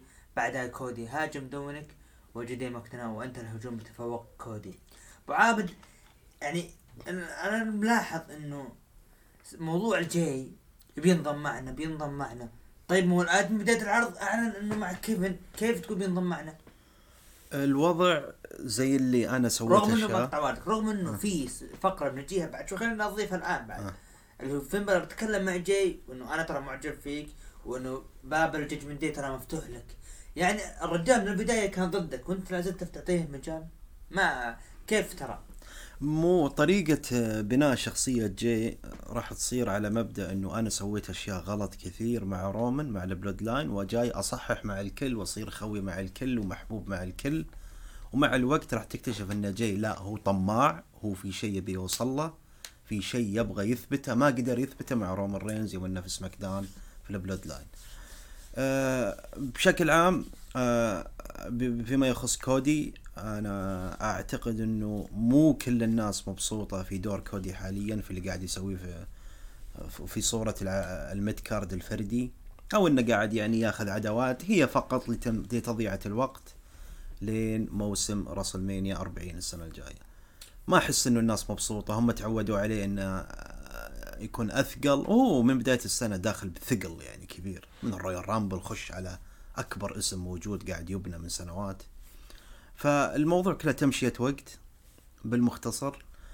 السؤال اللي يطرح نفسه الآن في خيبات أمل كثيرة السنة الحالية أشياء كثيرة قاعدة تنبني صح بس ما قاعدة تتقفل أو ما في لها نهاية أصلا. ما أنا قلتها. فهنا أنا قلتها السؤال. أول- أنا قلتها أول ما مسك تريبل هنا السؤال. قلت الناس الآن. يتفائلوا الناس يتفائلوا بتريبل لكن تريبل يعرف يفتح قصة يعرف يكمل قصة لكن ما يعرف يقفل قصة. ما يعرف كيف. فعليا. هذا الشيء شفناه كثير السنة هذه منها هل راضي على القفلة حقت جاي أوسو ضد لا. رومان؟ لا رومان؟ ابدا لا ابدا ابدا كودي ضد رومان ما في ابدا قفلة. الماني بالذات أنت تتكلم إنه كيف باني كودي بالشكل الصحيح والان هذا اللي صار طيب ميكس وكودي آه، في كلام إنه ممكن مستقبلا يرجع يقابل في. كلام إنه ها ها يعني إيش تشوف أنا آه. أشوف أنا أشوف إنه كودي كان المفروض تخليه attraction طالما أنك ما عندك وجوده زي عدمه بكل صراحة وجوده زي عدمه لأنه مو قاعد يقدم ولا قاعد يأخر شيء. خليه. وانت مو مو معطيه الكتاب الصحيح. هذه هي. طيب. بس آه، لو هي على البروموهات فسلم المايك لذا وعيش صح. لكن لكن كودي مو مرة مو قاعد يسوي شيء. يعني هل بسبب موت الزخم اللي صار بعد المانيا؟ ما يلام الجمهور؟ ما إلا. أن أنت أعطيته لحظة الكل. توقع. خلاص. انتهينا. حنفتك من رومان. أنا بنفسي قلت حنفتك من رومان. الحمد لله. لكن لا لازم أكمل برومان عشان أخلي ال moment بشكل أكبر السنة اللي بعدها. طيب بسألك سؤال. الناس كلها تقول عشان ذا روك تواجه السنة. هذا اللي كنت بقوله. ذروك مم. بسألك سؤال. لو روك واجه رومان في ال Mania الجاية مين بيفوز باللقب؟ شوف الجمهور كله بيقول ذروك لكن دبليو بتقول لا يا حبيبي خليه يهزم. دروك عشان يصير أفضل مصارع بالتاريخ. هذه هي. فاهمني؟ هذه هي. يعني لو البناء روك حتى روك راح ينهزم. يعني البناء بالمختصر ذا روك راح ياخذ hype إنه هو اللي بيفوز على رومان والنهاية نفس اللي شفناه آخر ثلاث رسلمنيات على التوالي. وهنا وهنا شيء كان ما في فائده طيب إيش يعني ليش سر هذا ما في الشيء؟ أي أحد قاعد يجهز. أنا أنا لو أخذت وجهة نظري في ذا الموضوع booking wise أبني واحد في نفس الوقت اللي قاعد أبني فيه رومان بس هذا الشيء قاعد يتكرر في الفترة الحالية. درو ماكنتاير اللي رجع على جانثر ولعب في SummerSlam. ما أخذ بناء قوي. يا رجل اعتدى عليه. اعتدى عليه طيحة في الحلبة ومسك اللقب ورفعه عاليا. وشفنا المباراة كيف صارت. المباراة سيئة لأنه ما في chemistry كذا ولا كذا. عشان زي كانت triple threat كان ليها فائدة في ال Mania. شيمس وجوده كان عبارة عن glue غراء عشان يربط الاثنين. شيمس مع والتر سوى نزال رهيب. شيمس مع درو قبلها بسنتين في Fastlane سوى نزال رهيب. فعشان يربط الاثنين في النزال سو- سو- سووه بشكل مضبوط. لكن لما تسووا النزال 1 on 1 النزال طلع سيء صح طيب بعدها شاينا بيزلر هزمت تشيلسي جرين ضد- يا أخي تشيلسي جرين ما شاء الله عبارة عن jobber. والله من يوم ما ترى رجع معها لقب الفرق. كمان؟ مع- مع مين؟ ما هي معها ب... ما أخذ مين. معاها؟ مين tag team آه، هي مفترض إن سونيا ديفل لكن سونيا أصيبت. يعني صارت صار- بدالها بيبر نيفن المفترض سبحان الله ذكرني بفريق تشيلسي سبحان الله. لو سمحت لا تجيب طاري الأندية؟ أنا ماني تشيلساوي لكن أحترم المشجعين. توتر ما بين آه وش قلت الحقيقة؟ ما بين توتر ما بين درو وجاي أوسو تقرر مواجهة. درو الجاي في عرض الرو القادم. يبدو درو إلى الان مشخصنها مو متقبل اللي قاعد يصير. بالمختصر والشيء هذا واضح وأتمنى كل من يسمع يحطها منهج في المتابعة ال WWE. من اليوم ورايح وبعد كل الصفعات اللي جاوها من المصارعين المختلفين. جدد معي أضمنك خمس سنوات على الأقل قدام أعطيك ال booking اللي يسرك ويسر المشاهدين. غير كذا درو ماكنتاير حيبقى يدور ويدور ويدور. ما هو من أول السنة قاعد يدور. يعني. والكلام الآن إنه إنه على على وشك إنه بيجدد الخبر نزل أمس. على وشك إنه بيجدد. جدد أضمنك موجود مثلك مثل سيث رولنز مثلك مثل جانثر اللي واضح إنه مطول طول لسه الادمي توه بادي. لازم. حستثمرك. بالسابق كان حتى لو المصارع هم مو واثقين منه انه بيقعد معهم لفترة طويلة بس يقولون خلاص هو استثمار قصير المدى. أنا في سنتين ثلاث سنوات بطلعك وبعطيك الوهج. الآن لا. استمراريتك وجودك إثباتك يتكلم عن حجم دفعتك مش موهبتك فقط أو أدائك في الحلبة. الآن صار في أداء وفي موهبة وفي بقاء. وهذا اللي قاعد يصير لدرو ماكنتاير درو ماكنتاير من أول السنة مش هو درو ماكنتاير اللي كان قبل سنتين. مش هو درو ماكنتاير اللي أساسا كان مبنى من بعد ما صعد من NXT إلى ال Monday Night Raw. وهذه حتكون طامه كبيرة إنه حتى على مستوى الآراء اللي إحنا نقولها كمتابعين ارائنا ما ما راح يصير لها معنى لما نشيد في مصارع كويس متحدث ممتاز أعطوه. لا ما راح يعطونا. الآدمي هذا مش واثقين منه إنه بيبقى أو لا. وهذا الشيء اللي قاعد يصير ل LA Knight. و LA Knight حاليا وضعه okay. فعلا إنه أنت تتكلم إنه هذا يعني أبسط حقوقه إنه أنا بأضمنك. طيب مكسو الان جاني سؤال كذا بعيدا عن اللي صار اللي صاير مع درو. ممكن تشوف جونثر يوما ما يكسر آه رومان وياخذ ألقاب العالم؟ لا وحابب تشوفها؟ كلنا حابين نشوفه أكيد. لكن ما راح تصير. لأنه لازم اللي ياخذ ال number 1 spot بالنسبة ل WWE يكون هو الشخص المتحدث بشكل تمام. فاهمني؟ هو اللي ال aura حقت البطل حق العالم عنده فاهمني؟ طيب سيث شفنا في ال package ناكامورا وسيث دخول سيث وتكلم عن شخصياته السابقة ويقول إنه المستقبل يعني مشرق وإنه مستعد لأي ش... لأي شيء وإنه يبي يعيد آه، مباراته مع ناكامورا بس ناكامورا رفض وسيث تكلم مرة ثانية عن المباراة إنه قال أبيك تطلع ناكامورا ناكامورا دخل دقت موسيقى ناكامورا لكن ناكامورا ما طلع فجأة تشتغل الشاشة ويظهر ناكامورا يضرب ريكوشيه ويقول لسيث يعني توقيتك سيء أنا باخذ منك اللقب. ظهري ف- يا عيال. أنا. فالآن ما إحنا عارفين. لا السيناريو ظهر عشان أوه أنت ظهرك برا يا ست. ت- تستغرب إنه الحين تقول يعني ناكامورا يرفض إنه يلعب إعادة وهنا يقول إيه أنا باخذ اللقب منك.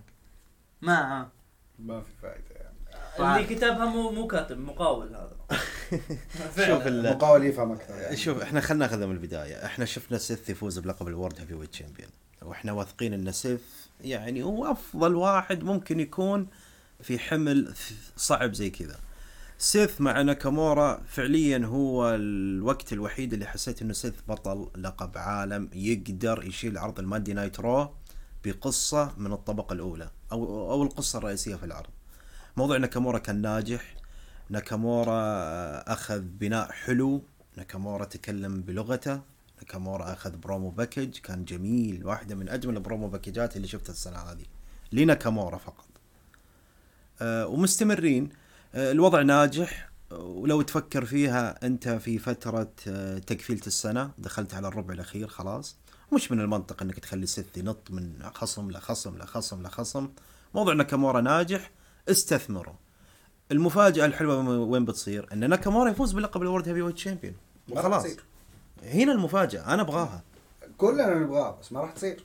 كنا ما- نبيها من أيام ضد ايجي ستايلز إي بس ما صار. بس بس هذه. سلبية. هذه سلبية طيب. خمسة سنوات ما أدري ست سنوات. بس هنا في. سلبية ثانية.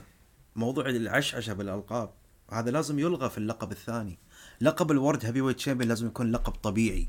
لقب مو فكرته كل مصارع ياخذه لازم يلا ست شهور وانت طالع ست شهور وانت طالع. خلي اللقب طبيعي. أنا أخذت اللقب بالصدفة خصمي سوى غلط في مباراة أنا فزت في اللقب جاني واحد أفضل مني فاز مني باللقب. رجعوا هذا النمط من القصص الحلو. يا أخي الانتعاش اللي كان موجود قبل 11 سنة اللي هو فترة سي إم بانك الطويلة ومين قدامه وقتها. عندك اللقب مم. لف بس بقول لك على الأسماء. بيج شو مارك هنري.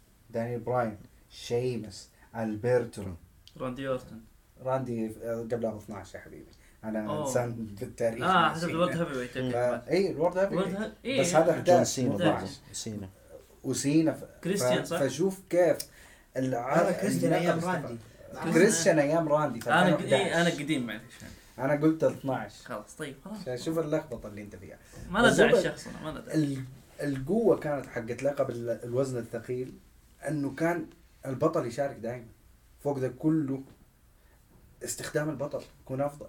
يعني شيمس كان بالنسبة لي من أجمل الفترات اللقب الو- الوزن الثقيل. اللي من المانيا Survivor Series إي من المانيا لين Survivor Series إيش سوى شيمس؟ كان اسبوعيا تلقاه موجود. يا عمي main event اللي ما حد يتفرجه دحين. في نزال سي إم بانك ضد شيمس. بطل العالم ضد بطل WWE من أحسن نزالات main event فاللي ما شاف النزال يرجع شوف وعلى طاري ال... ال... تكون في عودة ونرجع الماضي. ال main event. مباراة على لقب آه، العالم للنساء. يا أخي حاولت اتقبل أقول لقب العالم للنساء بس ما ما- ماني قادر اتقبل ريا ريبلي يلعب ضد راكيل رودريغيز أثناء المباراة ظهرت مين؟ نايا جاكس. هاجمت راكيل رودريغيز بعد المباراة يعني انت وانتهت المباراة انتصار لريا ريبلي وحافظت على اللقب بسبب تدخل نايا جاكس اللي رجعت بعد غياب. يعني آخر ظهور لها كان في ال Rumble الماضي. بعد المباراة نايا جاكس فجأة هاجمت ريا ريبلي ودمرتها. اللي صار جيد كارجيل وكريس. الآن قاعدين يشوفوا. الآن قاعدين يشوفوا يا ميكسر. الحمام فاضي يا عيال ولا؟ نبى نروح نجلس. إيش رايك؟ اخ مبدئيا. آه، ما عندي مشكلة مع ناي. اس- استخدم ناي. بالعكس لما رجعوها في. في ال Royal Rumble قالوا إنها وقعت ترى عقد. فأنت استنيت تسع شهور كاملة عشان تحطها في التلفزيون. أحس إنه غباء. فين ال creativity. أعطيني شيء يحمسني. أبغى أتحمس للنهايه بالعكس موجود موجود. إيش؟ راكيل ضد ناي جاكس. أعظم botch ات في العالم بتصير في النزال الان مين يصيب الثانية صراحة؟ معاوية ما ما أنا أدري إنك ريا تصاب. أنا أدري إنك كفرت أنت. انت كفرت هذا بس آه، في نايا شوف أول شيء ريا ريبلي ريا ريبلي مركزة كثير على الشخصية ونسيت إنها هي مؤدية جميلة. هي مؤدية من الطبقة العالية واحدة من أفضل ال women's اللي موجودين في ال main roster هذا الشيء طبعا ملغى تماما طوال منها مع ال Judgment Day. كانت الذبة من أول ما صعدت إن هذه تشاينا المحسنة. كانت ذبة في البداية. اليوم ال WWE أثبتت هذه المقولة وجابت صورتين مقارنة بنفس ال gear بنفس الطلة بنفس كل شيء. آه ال women's آه في ال main roster ما تغير فيه شيء. هذا برضو إثبات إنه تريبل اتش على قد إنه يحاول يرفع في هذه الفئة ما قدر ما زالت البعصات موجودة اللحظات موجودة. كون الوحده مؤدية أو ثنتين أو ثلاثة موجودين لا يمنع إن إحنا نستخدمهم كقصص أكثر. ريا ريبلي دخلت في نفس الدوامة وأنا متأكد تماما. من بداية السنة إلى اليوم ما في واحد بيعطينا مباراة لريا ريبلي تنافس اللي كانت تسويه في NXT بس يعني أنا- راكيل ولا واحد أنا بعقب بعقب بشكل بسيط.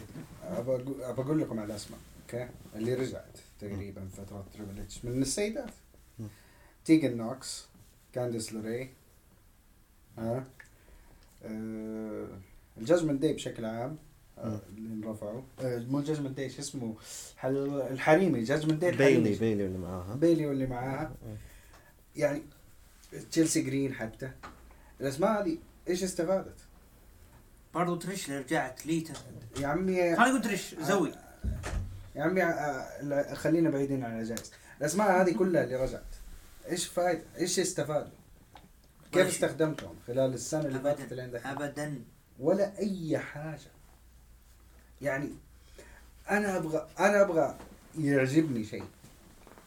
مو مو ما أبغى أي حاجة تعجبني. لا رجال ولا سيدات. أبغى أبغى شيء واحد يعجبني. ماني لاقي. و- والطامة الاعظم لما ندخل على NXT بعد أوه. أصبر أنا حسبسب أنا حسبسب. نجيها نجيها. مشاهدات وأنا العرض بقطع. مشاهدات العرض كانت مليون و 353 ألف. هذا كان مشاهدات عرض ال Raw. المتابعين قيموا ال Raw من 9 ل 10 ب 27% ومن 5 ل 8 قيموا. ب 45% أكثر من 5 قيموا.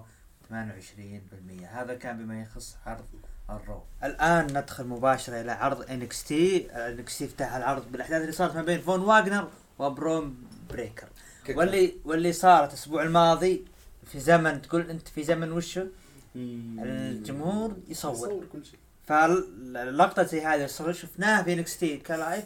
يعني صدقنا فجأة شفنا ال- ال- من الجمهور صقعة الدم يا عمي. آه. أنا حسيت براسي قاعد أحك وقت. ف... لا شوف هو لو في التسعينات أو بداية الألفية كان كان فعلا صدقنا. كنا للحين بس بس أنت لو شفت الفيديو اللي تصور. إي إي أنا أقول لك عشان؟ كذا إي شفت الفيديو اللي والله أنا خفت. أنا خفت على. يمكن في الحافة شوي صكت فيه. هي الح... هو المفروض الضربة حقت الدرج تنصقع في الحديد بس. إي في ال step صحيح. الأول. يعني.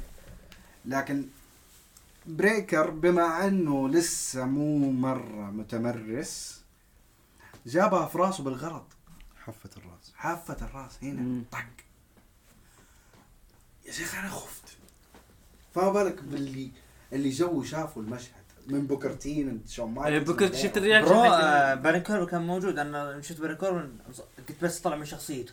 رجال. ولا بنجيها طيب أول مباريات عرض NXT مصنف الأول على لقب NXT ويس لي ضد إليا دراجونوف انتهت مباراه منتصرة إليا دراجونوف وأصبح المصنف الأول على لقب NXT ضد البطل كارميلو هيز في نيو في No Mercy. وبعد المباراة دقت موسيقى كارميلو هيز وتبادل النظرات مع خصم دراجونوف أنا أشوف إنه هذا أفضل شيء تسويه في NXT آه إنه يكون هو الخصم القادم.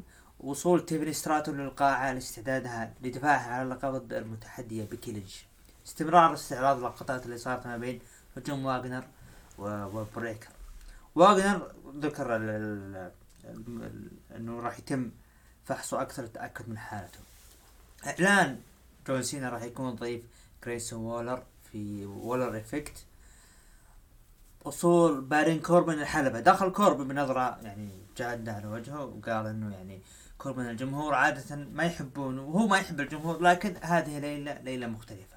تحدث كوربن إنه كيف كان في طاولة التعليق قبل سبع أيام لمشاهدة هجوم برون بريكر على فون واغنر وقال كوربن إنه بعد اللي ما شفته من الأسبوع الماضي أنا دري توقعت إنه فون واغنر ما راح يكون مثل السابق ابدا. وأخبر كوربن إنه تعال يا برون بريكر إنه أبيك تجي الآن.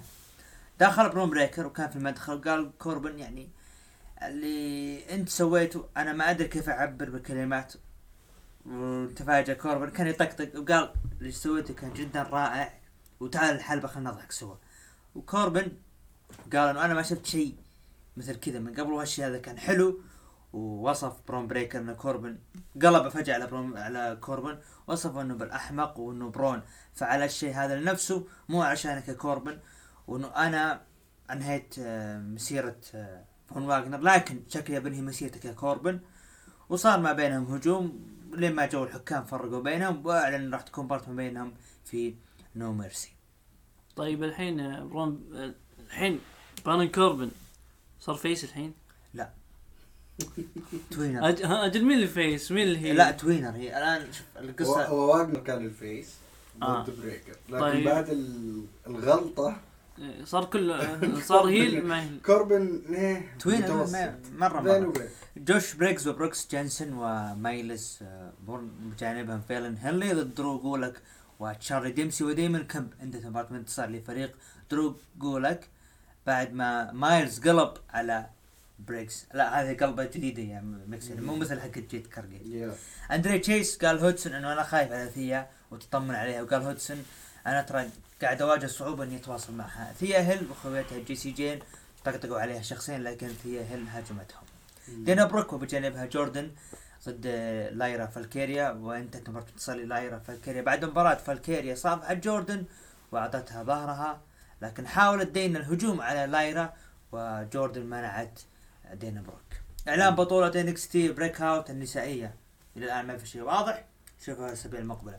استمرار عداوة ديجاك وايدي ثورب وأحداثها بعد ما وصف الاخير ان ديجاك مثل الثعبان. بطولة ال Heritage Cup Group A تايلر بيت ضد اكسيوم انتهت مباراة انتصار تايلر بيت وأصبح كالتالي ترتيب المجموعة بوتش لديه فوز وتعادل وخسارة. وثلاث نقاط تايلر بيت عنده آه، فوز ونقطتين. اكسيوم تعادل خسارة نقطة واحدة. تشارلي ديمسي بلا أي نقطة آه، آه، بخسارة. هو ترتيبه الأخير. خلف الكواليس تريك ويليامز تحدث مع بطل NXT كارميلو هيس وعرض تريك على ميلو مساعدته دومينيك ميستيريو وقال ميلو إنه تريك يبي يكون بمفرده لذا فهو يحترم ذلك. وكان ويسلي في آه، خلفهم كان تريك خارج ويعني قال إحنا لازلنا أصحاب زي كذا. وسمع الكلام وعصب ورمى لوحة فيها اسم سلة المهملات مكرمه كريد براذرز. ضد مالك بليد وأدريس إينوفي. آه، وانتهت مباراة انتصار لكريد براذرز بعد مباراة. آه، أنج... آه، انخل جارزا وهمبرتو صفقوا وشفنا ظهور لهانك ها؟ جارزا موجودين الاثنين الحين موجودين. وهمبرتو لسه هانك و تقريبا نفس ال character. وعطوا نظرات اللي لهم. لكن شفنا لوسيان بريس وبرونكو ونيما ظهروا وصار هجوم ما بين هانك وتانك ما بينهم. هانك وتانك okay. لين ما ظهروا حكام وفرقوا بينهم. Heritage Cup Group B أكيرا تزا- تزاوى ضد نيثن فريزر. انتهت مباراة انتصار لنيثن فريزر واصبح ترتيب المجموعة الثانية كالتالي. عندك جو كوفي فوزين وعنده أربع نقاط نيثن فريزر فوزين وخسارة أربع نقاط. آه، دوك هودسون فوز وخسارة نقطتين وأكيرا تزاوا ثلاث خسائر بدون أي نقطة. دقيقة الفوز الواحد على نقطتين؟ ثلاثة.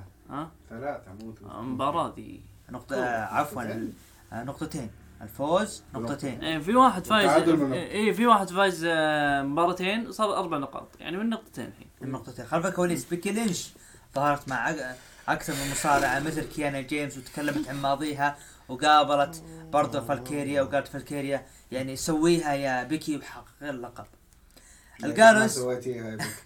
تحدى الجالوس وتحدث جو كو- كوفي إنه بيجلد هودسون وظهر هودسون وهاجموا بالكلام ومباراتهم الأسبوع المقبل في بطولة ال Heritage Cup.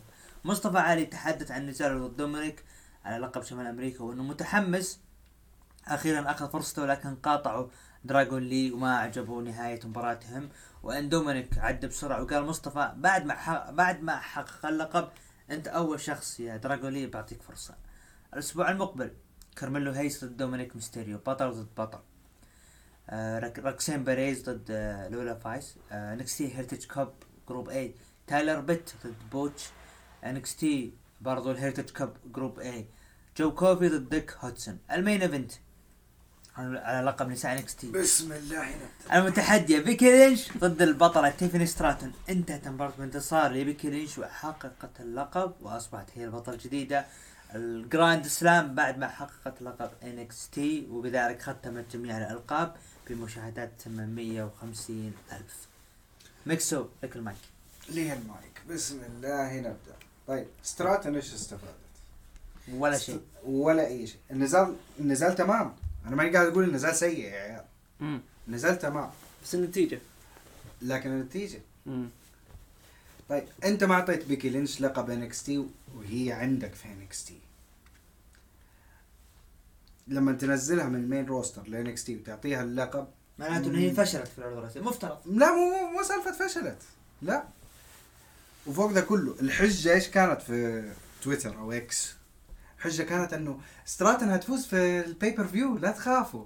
خسرت في العرض الاسبوعي لكن طيب أنا شفت النزال already ليش أشوفه مرة ثانية في pay-per-view فاهمني؟ في خبر طلع الأسبوع الماضي مقطع هذاك في خبر انه إنه ظهور آه، بيكي والنزال إنها تكسر NXT و Dynamite إنه تكسر عدد الفئة العمرية بالمشاهدات ال rating تمام. للأسف الشديد. ما سووا لا rating ولا مشاهدات ولا. مشاهدة. ولا لا بس. بس بس شوف تقريبا دحين اثنين من ال main roster ماخذين لقب في NXT الوضع صار غباء. يعني على دومينيك الواحد زعل لما قال ويسلي قتل كل ال roster حق NXT عشان دومينيك ياخذ اللقب في النهاية. هذا هذا يزعل. دحين مع ستراتن سويت نفس الشيء مع بيكي لينش. طيب أنا ليش أتابع؟ ليش أتابع NXT ليش أبغى أشوف الناس اللي جاية جديدة؟ لو أنت بتخسر الناس الجديدة دي الناس experience هو السؤال المهم الحين. انت فكرت انك انت تبنيهم بلحظات في NXT ليش ما تبنيهم في عروضهم اللي هم معششين فيها من سنوات؟ صح. هنا السؤال المهم. السؤال الثاني. وضع roster NXT ويسلي الآن. خسر من إليا دراجونوف وإليا دراجونوف بيقابل كارميلو هيز ويسلي يعني زعلان بعد طيب ويسلي إيش بيسوي الحين؟ بالسابق لقب North كان موجود. صحيح. يقدر يدخل بأي شكل من لا الاشكال بس أنا قلت لك. الآن ما في شيء ما في أنا شيء. قلت لك ويسلي قتل تقريبا كل roster NXT okay؟ ويسلي واجه أغلب المصارعين وفاز عليهم في النهاية نزلت دومينيك أعطيته اللقب. تيفاني سوت نفس نفس الشيء في قسم السيدات. نزلت لي بيكي لينش. أنت بت... لو تبى تبيع No Mercy okay؟ بكل صراحة حط النزال في ال pay-per-view لكن لكن لا لا تسوي الغباء هذا وتعطي اللقب لب- لبيكي لينش. ما ما أثبتت فعاليتها أوه Grand Slam ما أثبتت فين ال Grand Slam؟ أنت بنفسك بسالك سؤال يا عبد الرحمن okay؟ في 2021 لما بدأوا يغيروا لل 2.0 إيش قالوا؟ قالوا إنه ألقاب ال NXT هذه ما تنحسب لشارلوت فلير، لقب العالم هذا ما راح ينحسب صح في مسيرة شارلوت فلير من ضمن المستقبل ال 16 لقب اللي تعادل بيها أبوه. الان حاسبينها الان دحين فجأة ما شاء الله تبارك الله. أوه ترى دحين محسوب. نعطي نعطي بيكي لينش عشان بيكي لينش هي بنت الشركة. طيب. و- وين النتيجة؟ هنا السؤال. انكس تي من يومه؟ 700 800 700 عادي خليها 800 700 800 ما صار لكن شيء. خليني 700 خليني هذا أبني الأعلى. interest على- طيب. تقريبا. الأعلى 700 والله العظيم أنا أنا أنا متابع أسبوعين NXT. قسما بالله العظيم إنهم كانوا يجيبون أرقام ما بين 500 إلى 700 بدون ظهور نجوم. وكانوا يقدمون شيء جميل وماشيين بالطريق الصح. مم. بدون تواجد دومينيك قبل دومينيك أتكلم أنا قبل إيه، دومينيك. إيه. الآن لا. هذه- الآن رغم إنهم جابوا ترى ممكن ما زادوا إلا 50000 بس. فشيء شيء جدا جدا يحزن. بالمختصر آه، الطريقة هذه في إن أنت تستخدم الأسماء اللي في ال main roster عشان يرفعون شعبية الألقاب في- في NXT. لم تثبت فعاليتها. هي فشلت فشلت. ما- ما- ما السابق والان هي هي فشلت- فادتهم المصارعين في NXT. هي فشلت مع دومينيك. تسويها مع بيكي أنا. أقول لمكسو ابو عابد انه أنت قبل من قبل دومينيك كانوا يجيبون الأرقام هذه. ما يصلون 800 يصلون تقريبا قرابة 700 وكانوا بدون نجوم رو... ال roster طيب. الرئيسي. طيب بعيدا عن كل شيء أنا كمحب ل NXT ليش أبغى أشوف مصارعين ما؟ أشوف، أنا ما ما- أبغى أشوف. أنا بشوفك في عرضك خلاص. خلك هذه- أنت خل خل كملي عداوتك مع ترش وفكينا ما عندي مشكلة ولا تجي تخربي علينا طيب. مفهوم. ما عشان كذا أنا قل- قلت لك من البداية. التقييم المتابعين قيموا العرض من 9 ل 10 ب 30% ومن 5 ل 8 قيموه ب 40% أقل من 5 قيموه ب 30% أنا الآن مع ال 40% مع وأنت يا أبو مكسو تحت. مكسو أنا تحت أنا تحت بسبب ال main event بكل صراحة. جميل جدا. الآن نروح للعرض المنتظر والأخير أو مو مد- العرض الأخير ال AEW Dynamite افتتح العرض مباراة على لقب ال International المتحدي بيج بيل آه، بجانب ريكي ستاركس آه، مباراة انتصار لجون موكسل وأخضاعه البيج بيل بعد مباراة ريكي ستاركس هاجم براين دانيلسون وبيج بيل آه، وريكي راحوا لموكسل جلدوه وحاول براين الإنقاذ لكن تدخل كلاوديو كاستنولي وانقذهم. بعدها الأسبوع المقبل جون موكسلي ضد ري فينيكس جون. على لقب ال International. أجرى ريني أجرت رينيا آه، باكيت مقابلة مع رودريك سترونج وال Kingdom ومشى أدم كول ليخبر آه، سترونج ان سمو جو ترى يمكن راح يدمر مسيرتك يكسر قوتك. قال سترونج ها ها أنت الحين صرت تهتم فيني؟ الآن؟ قال سترونج إنه أنا راح أهزم جون آه سمو جو بعدها راح أروح لخويك MJF وراح آخذ اللقب العالمي. يعني آدم كول سكت ما قال شيء وطلع سترونج وعصابته دون كارس آه تكلم إن آه تاكيشتا تغلب على كيني اوميجا مرتين وهذا يعني مو آه يع- يعتبروا الالفا الآن. وقال كالس إنه من الآن وصاعدا لازم تسمون تاكيشتا بالالفا وقال كريس جيريكو ما, ما فتح فمه بكلمة على كلمة ألفا دي؟ لا لا ما أصله كريس جيريكو كان اسمه ألفا. الفا كلوب وقال كالس إنه يعني إنه تاكيشتا كسر جسد اوميجا وهزيمة مرتين. الآن الهدف القادم هو بطل العالم السابق ال IWGP ويعتبر المقرب لكيني اوميجا اللي هو كوتا إيبوشي. و...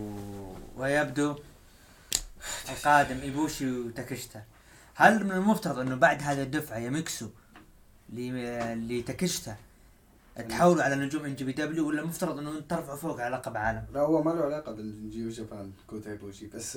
بس المشكلة عارف شو؟ اللي مزعلتني أنا خصيصا okay انه إنه يبوشي ترى جسديا مو جاهز لا في ال Blood and Guts كان جاهز ولا في All In كان جاهز العالم كانت متوقع إنه يقدم أداء قوي إي لكن ما. لا ذا ولا ذا صار. فالله يعين تكشته حيشيل النزاع. خلف كواليس ال Blackpool Combat جون موكسلي وبرايون دانيسون وكلاوديو كاستونلي دانيسون تحدى بيج بيل وريكي ستاركس في مباراة AEW Collision وظهر ري فينيكس وقال أنا راح أهزم جون موكسلي الأسبوع المقبل. وبعدها شفنا ظهور ايدي كينغستون وقال آه، الايدي آه، الكلاوديو آه، أسبوع آخر وطلع. ومشجعون كان المشجعين كانوا يهتفون باسم إيدي. هوك بطل FTW كان قريب إنه يتكلم مع رينيه. إيه ما شفنا أورنج كيسدي يتمشى. وسألت رينيه يعني إيش قاعد تسوي؟ قال لا أنا بس قاعد أتمشى. وقال هوك هوك أثنى على أورنج كاسدي وأورنج برضو أثنى على هوك. توني ستورم ضد هيكارو شيدا ضد نايلا روز ضد بريت بيكر. انتهت مباراة بانتصار لتوني ستورم. خلف الكواليس سرايا تبارك لتوني فوزها وإنها بتاخذ فرصة ضدها الأسبوع الجاي. لكن أنا أشوف كنتي توني ستورم واحدة مجنونة. راح تخسر راح أفوز عليك. خلف الكو... آه جيريكو ظهر اللي صار ما بينه وبين آه، سامي جيفارا وتكلم عن الاحداث اللي صارت في NWA العرض الشهري في عام 2018 وتكلم آه، جيريكو إنه توني خان اتصل فيه وإنه بيسوي عرض وكيف اللي رأى سامي من نظرة ال- جيريكو. وقال جيريكو انت سوينا كل شيء مع بعض و... وفعلنا كل شيء وصار في النهاية تحدي ما بينهم وجيريكو قال إنه شوف أنا راح أجلدك لكن تبقى أنت صاحبي. فبتكون مباراة اللي هو يعني ما هي العداوة لكن شبه عداوة بينهم. خلف الكواليس من الأسبوع الماضي MJF يتوعد رودريك سترونج وجو اثنينهم يبيهم. براين كيج أنا بشوف أنا بشوف MJF رودريك سترونج مين رقبته تنكسر أول؟ براين كيج بجانبه آه، برنس نانا ضد هانجمان آدم بيج انتهت المباراة بانتصار لهانجمان آدم بيج. بعد المباراة تكلم هانجمان مستقبلا إنه راح يكون ما بينه هو وسويرف مباراة. لين ما شفنا هجوم من براين كيج على هانجمان آدم بيج ولكن تدخل ال Young Bucks وأنقذوا هانجمان. ريني باكيت سجلت أو قابلت دانيا غارسيا وغارسيا كانت تتحدث عن رقصته. لين ما شفنا دون كالس وغارسيا سوى رقصة قدام دون كالس وطلع. وقال دون كالس إنه this is money. فما ممكن نشوف غارسيا مستقبلا ينضم. نيك وين ودربي ألن ضد مات مينارد وأنجلو باركر بجانبهم جيك هيجر. ال former society عصابة society السابقة. وآنا جاي كانت موجودة. عندها مباراة متصلة لنيك وين ودربي الن كريستيان كيج ولوتشاسورس طقطقوا على نيك وين وقالوا نبي نلعب مباراة ضد ستينج وكريستيان كيج. الأسبوع المقبل في AEW Grand Slam نيويورك. آه، لقب ال international جون موكس ضد ري فينيكس لقب AEW النسائي سراي ضد توني ستورم. لقب ال ROH اللي هو ال title ضد title.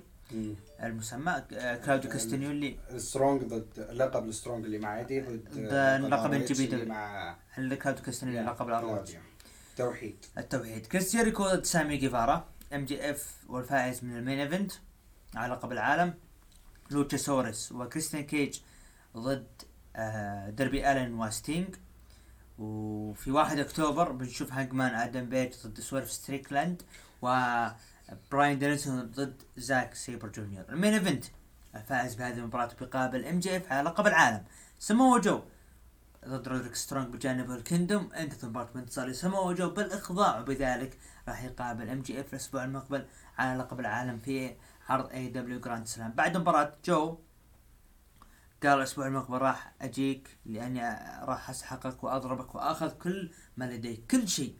آدم كول دخل تطمن على رودريك سترونج لكن جو استغل الشيء هذا وهاجم. آدم كول ونفذ ال Coquina Clutch وبذلك نهاية العرض بمشاهدات 800 و 88000 وتفوق داينامايت لا من ناحية ال rating ولا من ناحية مشاهدات مقارنة في NXT جو ضد MJF ام جي آه مكسو آه.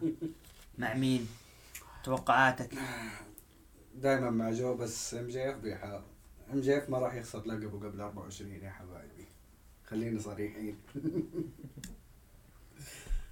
السنة الجاية إن شاء الله. السنة الجاية إن شاء الله. أبو عابد. سامو جو و MJF. آه أنا بالنسبة لي آه حتكون نقطة مفصلية ل MJF. أنا مرة متحمس للمباراة وبشكل عام MJF قاعد ياخذ بناء واحد من أفضل مصارعين أبطال العالم في AEW كتصاعدي وكاسم لم يحظى بهذه الفرصة من قبل. وركز لي عليها. مع كل خصم MJF قاعد يعطي جو مختلف. آدم كول؟ طبعا طبعا بس كيني اسم كبير.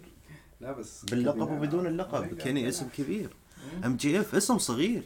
إحنا نتكلم على مصارع نادر نادر موجود في الزمن حاليا. على مستوى الاتحادات الكبيرة ما في واحد بالعمر هذا قدر يوصل هذا ال level. وهذه الثقة اللي موجودة عنده. الادمي متمكن مستعد يدخل لك أي قصة أو يترك بصمة. ركز لي على البصمة. آدم كول غير سامو جو غير إنه في العداوات الفردية غير إنه مع براين دانيلسون. ومكمل مكمل. الادمي رهيب. جميل جميل جدا. الآن نصل تقييم المتابعين المتابعين قيموا العرض من 9 ل 10 ب 27% ومن 5 ل 8 قيموه ب 45% أقل من 5 قيموه ب 28% هذا كان بما يخص دينامايت عروض أسبوعية. إيش الأفضل يا مكسو؟ ولا لا؟ لا تعليق. لا تعرف لا تعليق. أبو عابد؟ أفضل عرض أسبوعي؟ أنا بفضل Dynamite Dynamite Dynamite خذ 36% يليها ال Raw 29% من المتابعين 21% NXT وأخيرا SmackDown ب 14% والآن نصل إلى الختام ولكن ما قبل الختام ينضم معنا حبيبنا عبد الملك.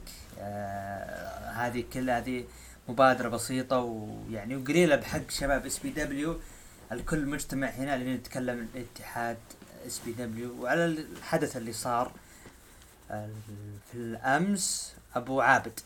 قبل ما تبدأ خلينا نذكر تغريدة الشباب في SPW ذكروا إنه لظروف خارجه عن اراده عن الإرادة تم إلغاء حفل رمال طويق وتاجيله إلى شعار إلى إشعار آخر. شكرا لدعمكم وتحفيزكم. بإذن الله رجوع أكبر عائلة SPW بعد آه، طبعا إحنا في جدة حاليا وهدف الزيارة بشكل أساسي كان لحضور عرض SPW اللي هو رمال طويق اثنين وختام الموسم العرض العاشر. آه نعم كنا في المؤتمر ونعم إحنا مفجوعين بقدر ما الناس شافت التغريدة ومفجوعة يعني إيش اللي صاير بالضبط وإيش الموضوع. آه كل اللي حاب اقوله إنه هذه الأشياء واردة تصير. آه الأخطاء البشرية موجودة المشاكل موجودة. في ظروف خارجة عن الإرادة ممكن تحصل أي وقت. ولكن اللي لاحظته أنا في SPW أن الهمة عندهم كلهم ما زالت عالية. الهمة موجودة الشباب يحتاجون كل الدعم. دعم يعني يعني الدعم بالسابق كان مطلب. الآن صار أوجب على الكل. كل من محب ال SPW يتمنى لهم الخير. هذا هو الوقت الأمثل أن أنت تدعمهم ويرجعون أقوى ويقدمون العروض المنتظرة. اليوم ما ضبط حيضبط ما رد حيصير العرض يعني. وكل تأخيرة فيها خيره وكلنا داعمين. داعمين بإذن الله. اولا وأخيرا كلنا داعمين. حنكون موجودين إن شاء الله سواء العرض هذا صار هنا في جدة ولا في غير مك... في غير مكان. كلنا معهم عمر. آه حقيقة اللي صار أمس آه كان كان زي ما قال أبو عابد شيء مفجع وشيء شيء يعني يضيق الصدر لكن أمانة آه عارف إن همتهم آه همتهم م- مرة عالية. داري إنهم الله أكبر آه داري إنهم آه والله ما أدري كيف أقول ما أعرف أتكلم من القلب لكن أنا أنا واثق فيهم. تمام الثقة. متأكد متأكد 100% إنهم راح يرجعون أقوى وأحسن من قبل. واللي صار هذه كلها كبوة جواد وإن شاء الله راح يكون يكون أقوى من ال WWE إن شاء الله. معانا الضيف الجميل اللي جانا في آخر البودكاست عبد الملك. يا هلا. نورنا. يا. بنورك بنوركم جميعا. طبعا أنا كنت أتمنى إني أكون في في البودكاست في ظروف أحسن من كذا يعني ولكن نلتمس العذر ل ل SPW كلهم. آه إحنا ما ندري يعني الناس لا تأخذ الموضوع يعني من منظور وهم ما يعرفون المنظور الثاني. ف لا تحكم إلا وأنت عارف. وبعض المواضيع ما تقدر تتكلم فيها. فإحنا نقول معاكم معاكم والهمة الهمه وبس. الآن أنا أختمها من عندي. أنا دائما وابدا أرجع وأقول كل تاخيره فيها خيره والحمد لله على كل حال. إحنا معكم. فداكم الحال والمال.